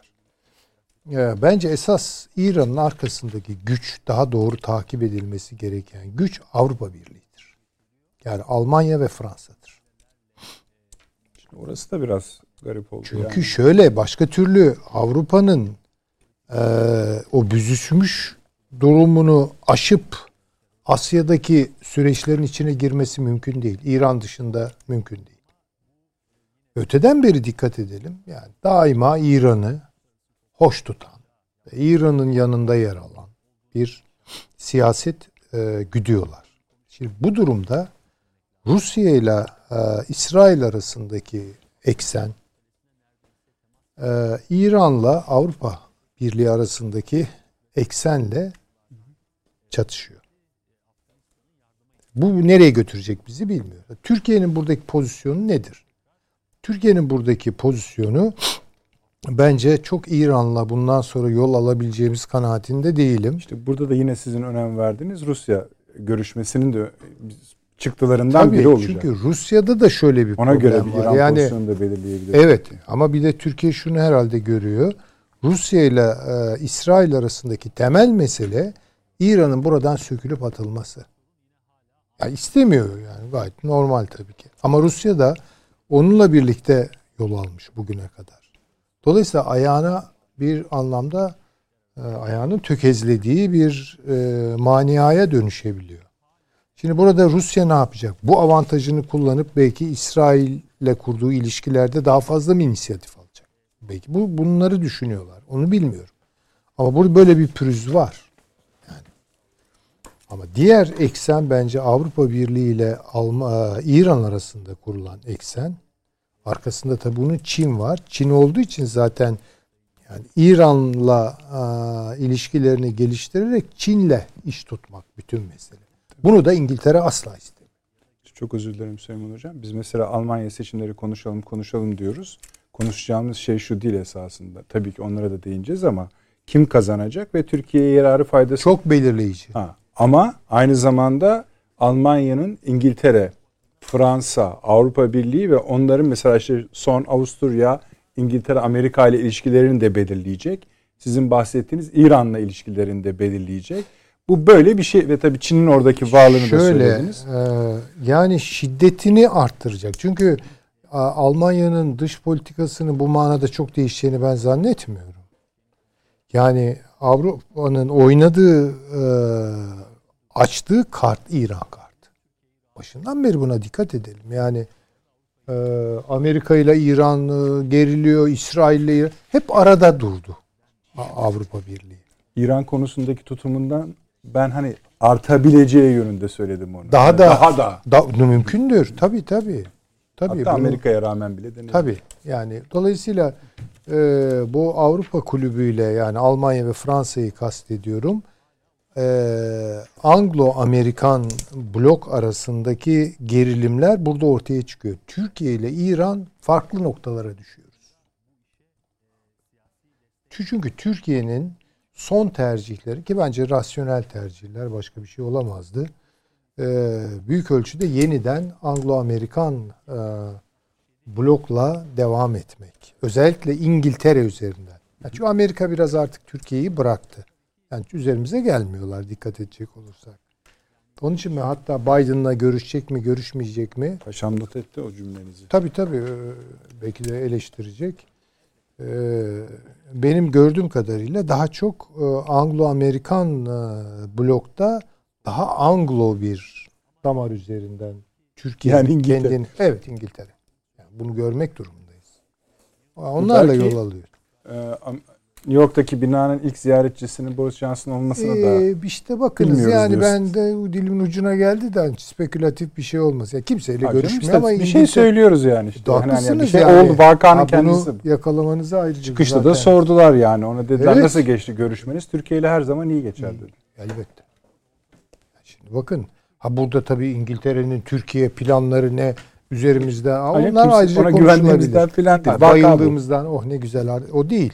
Ama gördüğüm kadarıyla üç blok arasında yani e, e, Anglo-Amerikan blok, Avrupa bloğu ve Avrasya bloğu arasında Türkiye tercihini mutlak manada değil Anladım. ama Şartlar ağırlıklı olarak buraya kırdı. Bunun karşılığında ne oldu? Bunun karşılığında Hindistan girdi devreye. Çok önemli bence. Yani Pakistan, Türkiye, Azerbaycan değil mi? Yani şimdi bu bir üçlü, üç kardeş olduk. İşte Körfez daha Bugün henüz bitti orada. kararını veremedi. Yani ne olacak onu ben çok merak Bir ediyorum. takım bize doğru eğ- eğilimler var ama Tersi hani de çıkabilir. tersi de Mısır'a doğru çıkabilir. devrilebilirler. Hı hı. Yani onu gerçekten şu an bilmiyorum. O da çok belirleyici olacak yalnız. Ama gördüğüm şu. Fransa, e, Yunanistan, e, Hindistan bakın nereden nereye yani.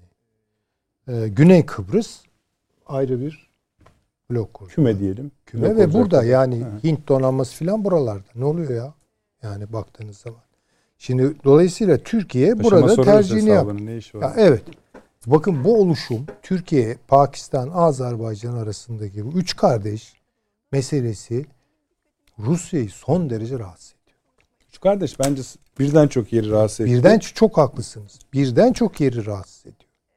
Ama bu üç kardeşe en fazla sempati duyanın şu an Birleşik Krallık olduğunu rahatlıkla söyleyebilirim. Bu da hayır mı şer mi bilmiyorum. E işte tabii artık. Tabii yani göreceğiz bunun üzerinde dü- dü- dü- yani Türkiye nerede dur? Türk-Rus ilişkileri ne belirleyecek meselesi işte bu değişkenlere bağlı. E, o o var. Yani mesela eğer Rusya Hindistan'a daha fazla yatırım yapmak istiyorsa şu aralar Türkiye'yi daha fazla karşısına alacaktır. Bunları bilelim. Yani bir kere gerilim olacağını iki tarafta biliyor. Türkiye de biliyor. Soçi'ye şeye giderken, e, Rusya'ya giderken e, muhtemelen Türkiye Cumhuriyeti Cumhurbaşkanı, danışmanları filan biliyorlar yani.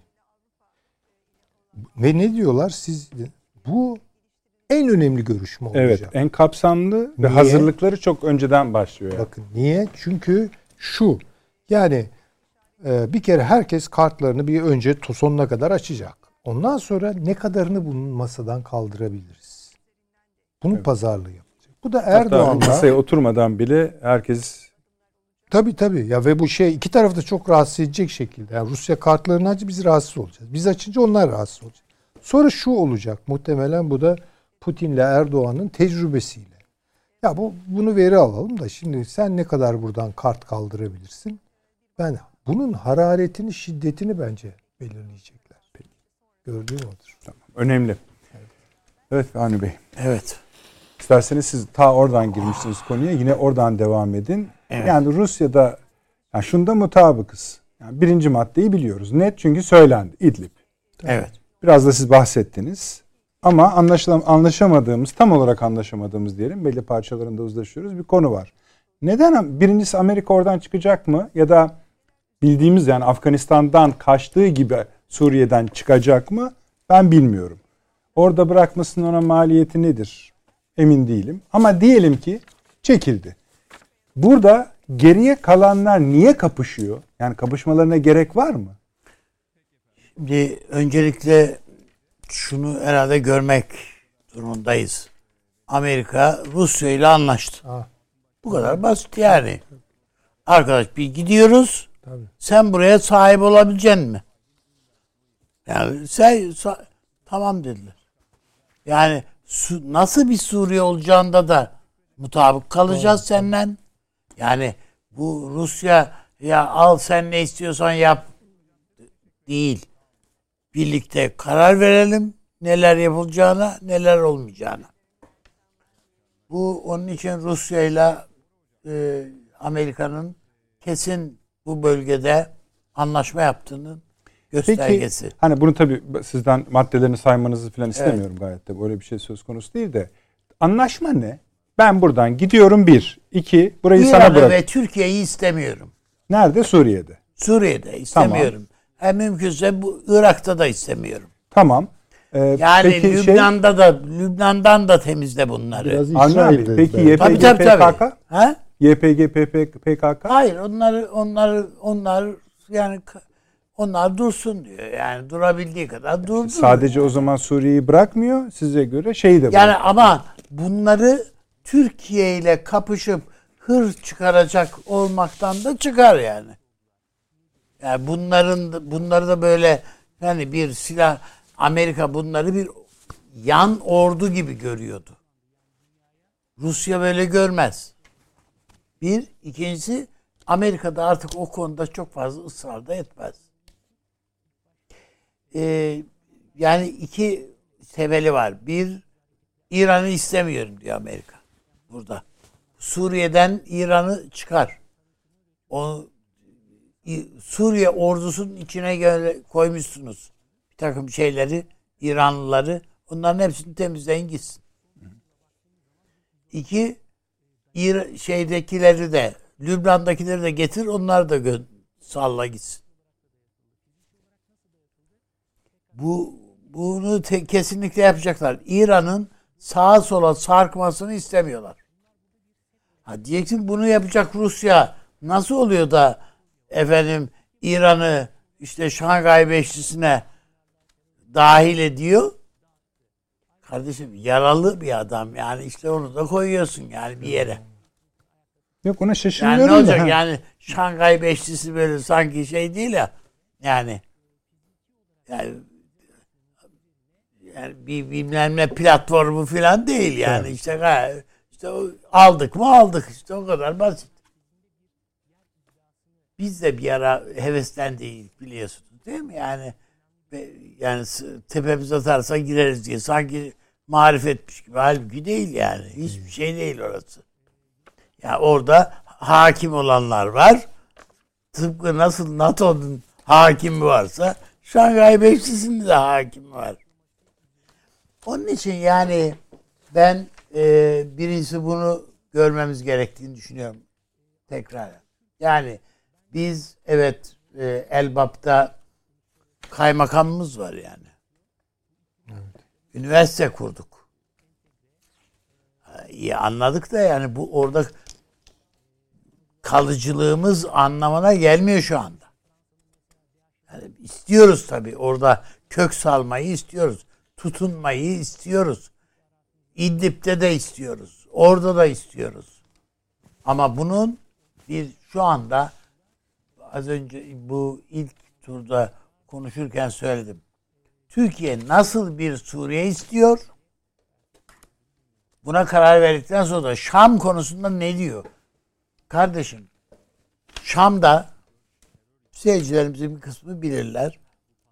Ee, istasyonun karşısında çok muazzam yani 20 metrelik falan bir sütun vardır. Böyle hani dikili taş gibi böyle bir şey. bu Sultan Hamid'in diktirdiği bir şeydir. Taştır. Onun en te- en üstünde de bir sembol şeyi olarak Topkapı Sarayı'nın modeli durur. Şam böyle bir yer. Suriye böyle bir ülke. Yani ne demek Biz burayı biz burayı gö- böyle ya sıradan ya Rusya nasıl görüyorsa biz öyle göremeyiz. Amerika nasıl görüyorsa biz onun gibi göremeyiz. Bu bizim asırları geçirdiğimiz bir ülke, bir devlet. Bunun oradaki adamını severiz, sevmeyiz, şu olmuş, bu olmuş filan. Kardeşim bir takım şeyleri daha geniş düşünmek durumundayız. Ve birçok vesileyle burada söyledik, söyledim ben de. Ee, Türkiye kendisinden beklenmeyeni şaşırtmalı birazcık. Amerika'yı da şapa yani oturtmalı, Rusya'yı da şaşırtmalı. En beklenmedik şey bizim Esed'le konuş görüşmemiz. Yani Esed'le derken onun şahsıyla değil, yani Şam'la görüşmemizdir. Ve bir mutabakat da bir mutabakat sağlamamızdır. Şam çaresiz. Yani şu anda yaptığı birçok şeyde adam açlıktan yapıyor ya. Ekmek yok. Yani şu anda Kızılay yardım gönderseniz Şam'da e, yani çocukların içeceği süt yok yani çocuk maması yok. Ama güzellik yarışması düzenliyorlar yani. Bu, bu başka bir şey. Kuyruğu dik tutmak için neler varsa gere- gereken hepsi yapılıyor. Bu buradaki şeyi algı anlayabiliriz. Ya bu Emevi ki- kibrini biraz anlamak lazım. Yani bu, bu yani Hazreti Ömer'i şaşırttılar ya bunlar bir yani şey mi olacak yani bize. Onun için e, ben Türkiye'nin bu Suriye meselesine bakışını biraz daha gözden geçir, bir kere daha gözden geçirmesi gerektiğini düşünüyorum. Ama üstelik de geçirmekte olduğunu da düşünüyorum. Bu yani e, istihbarat başkanlarının buluşması bilmem ne falan. Bunların hepsi birer altyapı hazırlamak. Bu e, Amerika'daki görüş, buluşmalar falan da dahil olmak üzere. Peki. Ve Türkiye burada bana göre İngiltere'nin arabuluculuğuna ihtiyaç duyuyor. Kimle? Yani Suriye ile filan yani veya yani e, aynı şey Amerika nezdinde de İngiltere'ye ihtiya İngiltere'nin desteğine ihtiyaç duyuyor Türkiye. Ankara. Az önce hocam dedi ki Türkiye çarkını kırdı bu Anglo-Sakson siyaset çizgisine doğru. Bunun sebep şeylerinden birisi de siyaset üretmekteki zorluğumuz. İngiltere'nin siyaset üretmekteki esnekliği ve alanı. Yani nasıl cep telefonlarının bir kapsama alanı varsa bu İngiltere'nin de bir kapsama alanı var. Yani ülkelerin de böyledir. İşte bunun gibi ben Peki. eee o e, PKK'nın filan bu efendim işte Rojava devleti bilmem ne filan böyle bu numaralarını filan deşifre etmek için bizim böylesi desteklere ihtiyacımız var. Bunu Londra deşifre edebilir. Yani bunu komediye dönüştürebilir Roj- Rojava'yı. Biz yapsak elimize yüzümüze bulaşır. Ama o yapınca gayet çok güzel oluyor. Peki. Teşekkür ederim. Şöyle yapalım paşam müsaade ederseniz. Almanya seçimleri. Bir şey mi ekleyeceksiniz? Yok Ha, hayır. tamam. Yani hani ekleyebilirim de ama paşamı dinlemek Şöyle yapalım. Onun üzerinden de gelebilirsiniz. Tabii, Müsait çünkü konu. Bir, yani bize son durumu bir anlatın önce. Bizim arkadaşımız ne yapıyor oralarda? İkincisi bunun işte bu yeni Avrupa'nın dünyada aldığı kutu yani kutuplara göre aldığı pozisyonları da bir değerlendirelim istiyorum. Şimdi Evet. Avustralya'da Fransa delirdi biliyorsunuz. İngiltere'ye de küfür ediyor. E yani o küfürdür diplomasi dilinde. Tere yapar. Yapar.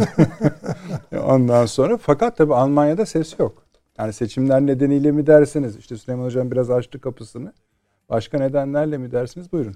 Ona geçmeden evvel e, şu Orta Doğu ile ilgili Hay hay, birkaç buyurun, kelime e, söylemem lazım. Şimdi burada e, e, İran'ın e, Şangay İşbirliği Örgütü'ne davet edilmesi e, uzun bir süredir bir mücadelenin sonucu ama reisinin seçilmesinden sonraya gelmesi, Afganistan olaylarından sonra yaşanmanın zamanlaması çok önemli. Bu tabii e, İran'a hepimiz de diyoruz, biliyoruz. Gerçi bu üyelik süreci bir, bir buçuk yıl devam edecek. Yani şu an üyeliğe kabul edildi ama resmi olarak kabul edilmesinin bir, bir buçuk yıllık Siyaseten bir zamanı bir var. şey söylüyor ama. Evet. Yani bu siyaseten e, şu anda e, Şangay İşbirliği Örgütü'nün e, dünyanın neredeyse Av- e, Asya nüfusunun %60'ına sahip olan bir bölgesi.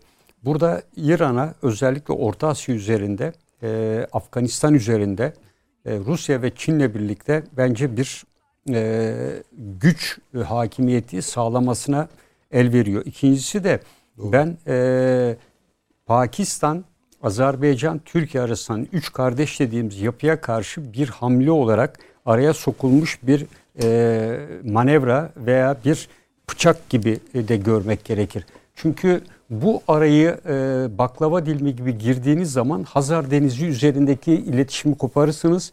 İran-Ermenistan ilişkisi eğer e, Türkiye lehine olmazsa yani buradaki zanga e, e, şey koridorun açılması Türk tırlarının İran üzerinden gitmeye devam etmesi Hazar yine ikinci planda kalmaya devam edecekler. Yani Türkiye'nin orta koridoru Çin'in tek yol tek kuşakta ikinci sıradan belki üçüncü sıraya da düşebilecektir. Çünkü bu hamleyle İran Çin üzerinde ısrarcı olduğu üçüncü hattın İran üzerinden geçmesi konusunda, demir yolunu geçmesi konusunda da bence önemli bir mesafede kat edebileceğini gösteriyor. Yani e, bu neden sonra gelişti? Bu aynı zamanda Çin ile İran arasında yapılan bu 25 yıllık e, meşhur anlaşma Hani e, ötesinde. Evet. Hani önemini ar- ne kadar varsa onu arttıran bir konjonktür ve coğrafya Tabii. çatışması var. Yani iş, beş, Şangay Beşlisi yok artık. O Tabii, bambaşka bir şey. E, yani giderek yani 2010 yılında Hindistan ve Pakistan'ın da e, tabii katılmasıyla da esasında e, Şangay İşbirliği Örgütü genişletti. Yani bu hamleyle Hindistan esasında ben şu siz- anda bir seyircilerimiz için bir şu anki Tabii. üyelerini söyleyeyim mi? Çin, Hindistan, İran, Kazakistan, Kırgızistan, Özbekistan, Pakistan, Rusya, Tacikistan. Evet. Süleyman Hocam öyle bakıyorsunuz yani ama ölüsü şimdi- yeter yani. mesela e, Ama bu çok siyasi bir e, Onların ne bu siyasi bir şey Süleyman Hocam. Yani siyasi bunun hani içinde bir sürü siyasi sorun var ya. e, tabii var. Tıpkı NATO gibi, tıpkı Birleşmiş Milletler Tabii, gibi, tabii. tıpkı Yani o- Avrupa Birliği gibi. Bilhassa Avrupa Şangay Birliği. İşbirliği Örgütü'nün en aktif olan şeyi terörle mücadele e, adı altında kurdukları bir yapı var. Şöyle düşünelim Evet. ya da şu an aktif olan hat üzerindeki etkilerini düşünün. O yani Ya o or- kısıtlayalım yani. Yani dünya Uygur üzerine- Türklerini temizlemek üzerine kurulmuş bir işte an bir mesele bu. var ya. Yani Yani bu- tamam bu bir mesele yani ama işte. Buna buna evet demişler. E, tamam. Tamam mı? Buna yarın öbür gün yan çizer bakarsın Pa- Pakistan falan. Ya Çin'in esasında Uygur Türkleri için e, böyle bir şey bence ihtiyacı yok. Çünkü temizliği öyle bir niyeti varsa zaten yapıyor. Bugün Hayır hayır hayır. yapıyor. Şöyle diğer ülkelerdeki varlığını o şey yap esas. Ama Çin ama, için e, tehlike. bugün Sayın Cumhurbaşkanı da bağlı. Yani bugün Sayın Cumhurbaşkanı esasında 3 ülkeye ciddi şekilde bence üstü örtük de olsa ifadede bulundu. Yani e, Kırım'la ve Suriye ile ilişkin Rusya'ya dedi. Tabii tabii. Yani bunun ötesinde Uygur Türkleri Söyledi üzerinden Çin'e söyledi. Myanmar konusunu söyledi, gündeme getirdi. Amerika'ya da E, tabii. Amerika Birleşik Devletleri PKK getirdi. terör örgütü üzerinden dedi. Yani bunlara baktığımızda e, bütün bu Şangay İşbirliği'nde yer alan ülkelere de bir sürü mesaj gönderdi ve diğerlerine de gönderdi. E, dolayısıyla İran e, esasında şu anda ne yapıyor? Afganistan'ın bütün her şeyi üzerinde yaptırım olan İran üzerinden gerçekleşiyor. Bakın dünyada Brent petrol 70 dolarlarda. Şu an Afganistan'da dün itibariyle 128 dolar olmuş petrolün varil fiyatı. Ve petrol ihtiyacı günde 20 bin varil Afganistan üz- üzerine Afganistan'a İran petrol sevk ediyor. Yani e, geçmişte bu tabi e, 2 milyon varil sevk eden İran 20 bin varille bile bayram ediyor. Çünkü oradan gelecek ve üstelik bankalar aracıyla değil bu paralar nakit dönüyor. Öyle bir e, konvertibil bir para işlemi de Merkez Bankası kapalı olduğu için orada E, ve İran'la bu sınır ticaretinin artmasıyla İran-Afganistan ilişkileri, Taliban ilişkilerinin yani şöyle diyorlar Sünni Taliban'la Şii İran arasındaki ilişkilerin bu boyuta gelebileceğine kimse inanmazdı. Petrol alışverişinde çok büyük bir hız ve kazanım var şu anda. İkincisi baraj e, su meselesi var. Afganistan'la İran arasında çok ciddi e, ve iki ara, ülke arasında sınırı oluşturan e, bu e, şey üzerinde Gani e, görevden gitmeden evvel bir baraj açtı. Ve bu baraj e, İran üzerinde tepkiyle karşılanmıştı. Çünkü bu suyun adil bir şekilde paylaşılmadığı ileri sürülüyordu. Afganistan'la İran arasında Taliban'ın iş başına geçmesiyle bu su meselesi de ciddi bir şekilde sönümlendirildi. Ve e, buna baktığımızda bunda Çin'in ciddi bir şekilde etkisi olduğu görülüyor. E, diğer bir konu ben reisiyle birlikte İran'ın Şii hilalini yeniden canlandırmaya başladığını ve bunun boyutlarını doğuya doğru da geliştirdiğini düşünüyorum. Yani şu anda e, Irak'ta e, bakın raporlarda da yer alıyor. Kerkük ve Musul'da giderek Sünni e, gençler üzerinden Şiiliğe geçen Hüseyniyeler diye bir grup oluşturmuş Şiiler ve Kerkük ve Musul'un resimleri var. Şii liderlerin resimleri e, yer alıyor. Ve Şiilerle yapılan röportajlar var. Biz eskiden burada Sünniler çoğunlukta olduğu için seslerimizi çıkaramazdık. Ancak Haçlı Şabi'nin gelişiyle ve İran'ın bize verdiği maddi destekle biz artık burada daha görünür olduk ve Sünnilere göre e, daha hakimiz ve birçok Sünnilere ait topraklar e, Şiiler tarafından gasp edilmiş durumda. E, nüfus kayıtlarıyla daha evvel nasıl peşmergeler veya PKK oynuyorsa aynı şeyin şu anda Şiiler tarafından Sünni nüfus üzerine uygulandığını ve yakın bir tarihte Musul ve Kerkük'ün demografik yapısının ve mezhepsel yapısının da değişeceğini ve Irak'ın giderek Şiileşeceğini ifade ediyorlar. Diğer tarafta mesela Sincar anlaşmazlığının en büyük destekleyicisinin İran olduğunu hepimiz biliyoruz. Sincar'da oluşacak bir kanton esasında kanton stratejisi İran işine geliyor. Şii hilalinin yaratılması için. Bakın dün Hizbullah e, İran'dan petrol getirmeye başladı. Biliyorsunuz Lübnan'da araçlar gitmiyor. Petrol sıkıntısı had safhada. Ve 13.400 varil pet tankerlerle taşınarak yaptırımları delmek için ilk grubu şu anda Suriye'nin e, Lübnan'a en yakın limanına ulaşmış durumda. Burada da Hizbullah e, ciddi bir şekilde İran'ın e, giderek azalan etkisini arttırma çabasında. Suriye'de aynı şekilde baktığımız zaman da ve bu hattı baktığımız zaman da Şii hilalinin buradan başlayarak Afganistan üzerinden de o tarafa doğru giderek kurulmakta olduğunu görüyoruz. Her ne kadar Peştunlar bu e, Sünni olsalar da bu coğrafya üzerinde e, ekonomik anlamda alışverişle belki bunun tamamlayıcısı olarak da e, İran e, bu süreç içerisinde yer almaya e, devam edebilir diye düşünüyorum. E, bunun dışında İran'ın da e, nükleer denizaltı geliştirmekte olduğunu dikkate almak gerekir. E, İran bu çalışmalarını 2013 yılından beri sürdürüyor. Yani bu konuda hangi mesafeye ulaştığı kestirilemiyor. Ancak e, en son Grossi, e, Uluslararası Atom Enerjisi Başkanı geçen hafta İran'daydı.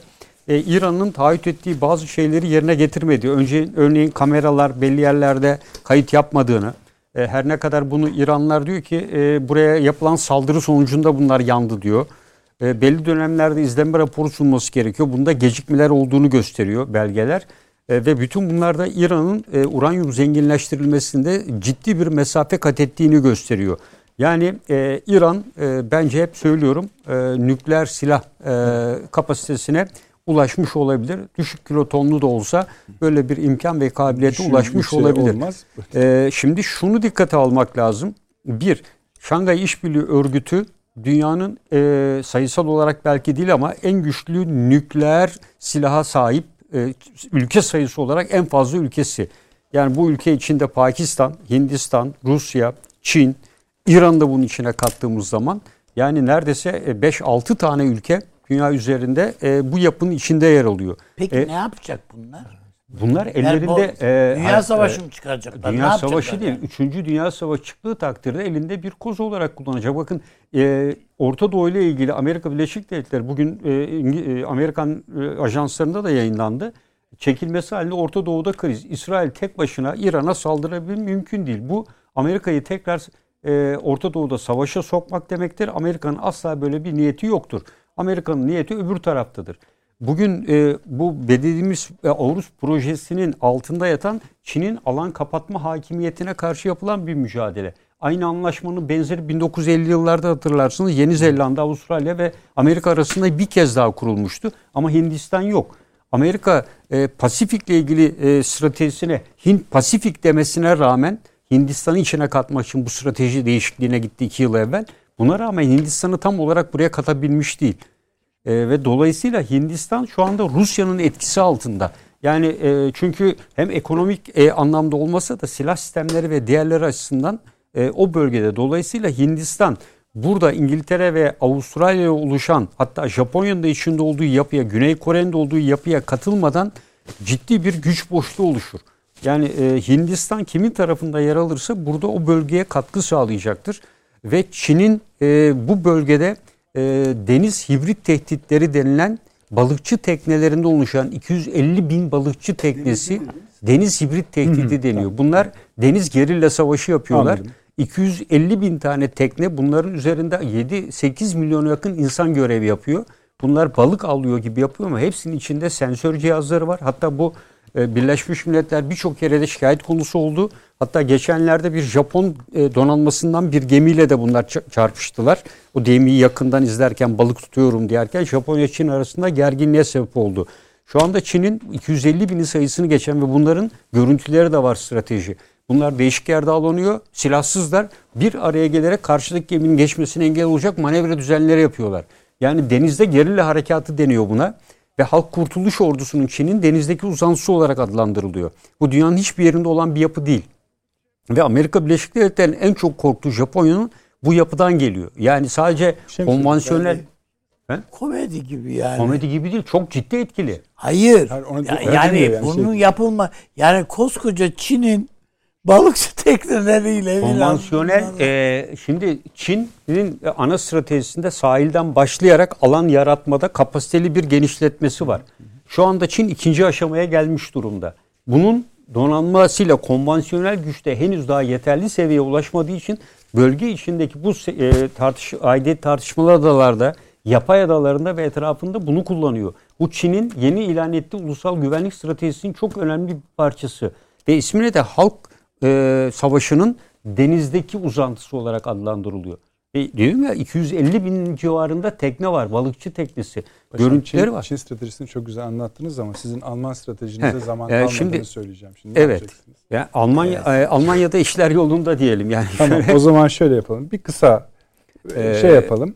E, Giriş sosyal- yapalım. Bu evet. sefer Perşembe yine.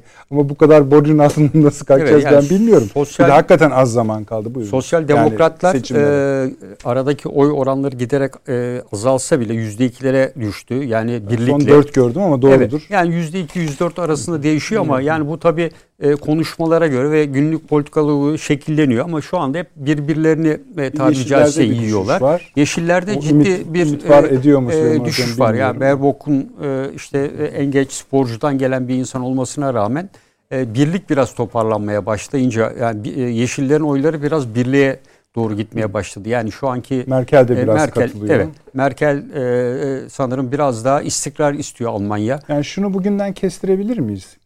Aşağı yukarı yani iki ihtimalden biri bile olsa Scholz bizim değil birlik. Yani e, demokrat şey muhafazakarlarla şu anki Merkel'in e, Olduğu. iki parti destekleyen iki partiyle sosyal demokratların e, başta olacağı e, bir e, sistem şu anki oranlara göre yeterli çoğunluğu sağlıyor. herhalde en zor öngörü Evet. bu Berlin'in yani yeni Berlin'in İngiltere Fransa mesela gerilimi konusunda nasıl bir şey yapacağı ve bu çünkü bir tarafı Amerika, bir tarafı Çin, bir tarafı Avustralya falan gibi uzun atışlı yerler bunlar. Bunları Ee, kestirmek bunların şu anda biraz bir, zor. Bir kısım partiler beyannamelerinde Amerika Almanya'nın silahlı güç açısından yeniden gelişmesi gerektiğini ifade ediyor. Bunun partilerin seçim Bunu çok beyannamelerinde Biz- bize e, kızdınızdır. çok fazla yer yok E, ve dolayısıyla burada tabii e, özellikle e, yeşillerin e, topluma verdiği mesajların esasında sel felaketiyle bir karşılığı olur gibi oldu ama sonra bunların fazla umursanmadığı da ortaya çıktı e, Almanya'da. E, dolayısıyla sosyal demokratlar önde gidiyor tabii burada.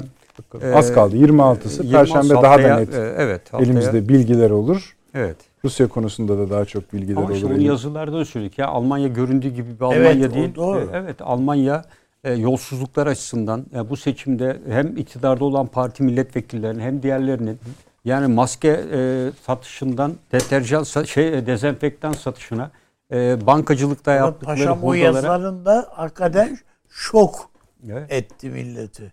Yani e, şimdi Yani üçüncüsü bu alt, gelecek. Almanya'nın altyapı yatırımlarının çöküklüğü konusunda ya da onları hem telafi edememesi hem de konusunda. etik, e, e, intihal etik, Ha, e, yolsuzluk. etik yani yolsuzluklar, etik, Korrupsiyon intihal yapan e, siyasetçiler, e, ondan sonra rüşvet Bu alanlar, yeni saat bir şey. alanlar. Yeni yani bu ye- yeni çıkan bir şey. Tabii tabii yeni son iki yılın şeyi. Niye gülüyorsunuz Süleyman 2019'dan Hacı? giderek Yeni e, çıkan şeyleri sevmem mi diyorsunuz? Yok, yeni çıkan şeyler değil tabii programın sonuna geldiğimiz için Tabii. biraz Almanya'yı başka türlü de görebiliriz. Başlarını Bence. söyleyin. Yani e, evet e, altyapısında bir takım problemler, bürokratik bir takım hantallıklar, bir takım belki yolsuzluklar. Ama bunlar Almanya'yı Tarif ne et. kadar karakterize eder ondan çok emin değilim. Biraz ama bu şeyi ilan etti paşamla zaten. farklı belki. Savunma Bakanı dedi, batısızlık olarak ilan etti kendisi. Tabii. Biz dedi Almanya olarak değerlerimizden uzaklaştık dedi. Çok güçteyiz dedi. Şöyle bir ama bunu Evet. şöyle mesela görmek mümkün olabilir. Almanya bu Avrupa Birliği'ni e, sağlamak adına çok göç aldı. Avrupa Birliği içinden. Ve bu aslında hastalıkları da almak demek. Tabii. Yani bir yığın Bulgar, bir yığın Polonyalı, bir yığın Romen, bir yığın Sırp. Bunların hepsi de gel yani Berlin'de şu anda. Peki. Yani o homojen değil elbette Almanya'nın yapısı ama e, bu hastalıklarıyla geliyor o e, Doğu Avrupa. Ama seçim Halkları. sistemi bile adil değil. Yani bu anayasasına Değil tabii. baktığınız O- zaman e, Tamam. onu da belirttik. Yani anayasasında bile yabancıların oy hakkı yok. E, bu kadar e, insan getiriyor. Bu insanların hiçbiriyle temsilde adalet ilkesini İşte sağlamayan olmadığı için Almanya daha var. çok Tabii. bulaşıyorlar. Yani Peki. e, Almanya'dan ben e, açıkçası bundan sonra e, Avrupa Birliği'nin yeni liderinin Fransa olacağını düşünüyorum. Haydi. E, evet. Paşam E, vallahi böyle Ama o zaman bir Fransa e, konuşursak Fransa'dan daha kötü tablolar getiririm ben buraya. Yok Fransa'dan Ama ordu var liderlik bence. bazında diyorum. Yani Fransa'nın ordusu var. Peki. Onu da not edelim. Orada doğru. Yani. Sevgili o- izleyicilerimize. Yoksa Fransa mı Almanya mı? Yani, yani mesela Orta Doğu'da da Fransa'nın etkili olacağını, Avrupa Birliği'nde de e, Fransa'nın bundan sonra daha etkili olacağını düşünüyorum. Paşam. E, çünkü Ama sosyal yani- Fransa'yı bilmem ama yeni Paşam iddia öyle, geldi. öyle başlıklar koyuyor ki yani Evet, tamam. hakikaten Yani çok kışkırtıcı, günü pa- çok iştah Yani- açıcı. Konuşalım Evet, onları. öyle. Yani Macron'a çok yaslanmayın bence paşam. Yok Macron beni Fransa'ya davet etsin diye bekliyorum. Merkel dönemi Abi biz sizi göndeririz paşa başk olsun. Macron'luk iş bu. Avni abi çok teşekkür ediyorum. Sağ Sağ, ol. olun, var olun. Süleyman hocam. Sağ olun. Eksik olmayınız paşam. Sağ olun. Sağ olun. Var olun. Efendim gece saat 01'de malum tekrarımız var. Yarın her ikisini de kaçırdıysanız YouTube'da sosyal medyadan gelen bütün katkılarınıza teşekkür ediyoruz. Tek tek okuyoruz, değerlendiriyoruz. Perşembe akşamı saat 20.45'te görüşmek üzere. İyi geceler diliyoruz efendim.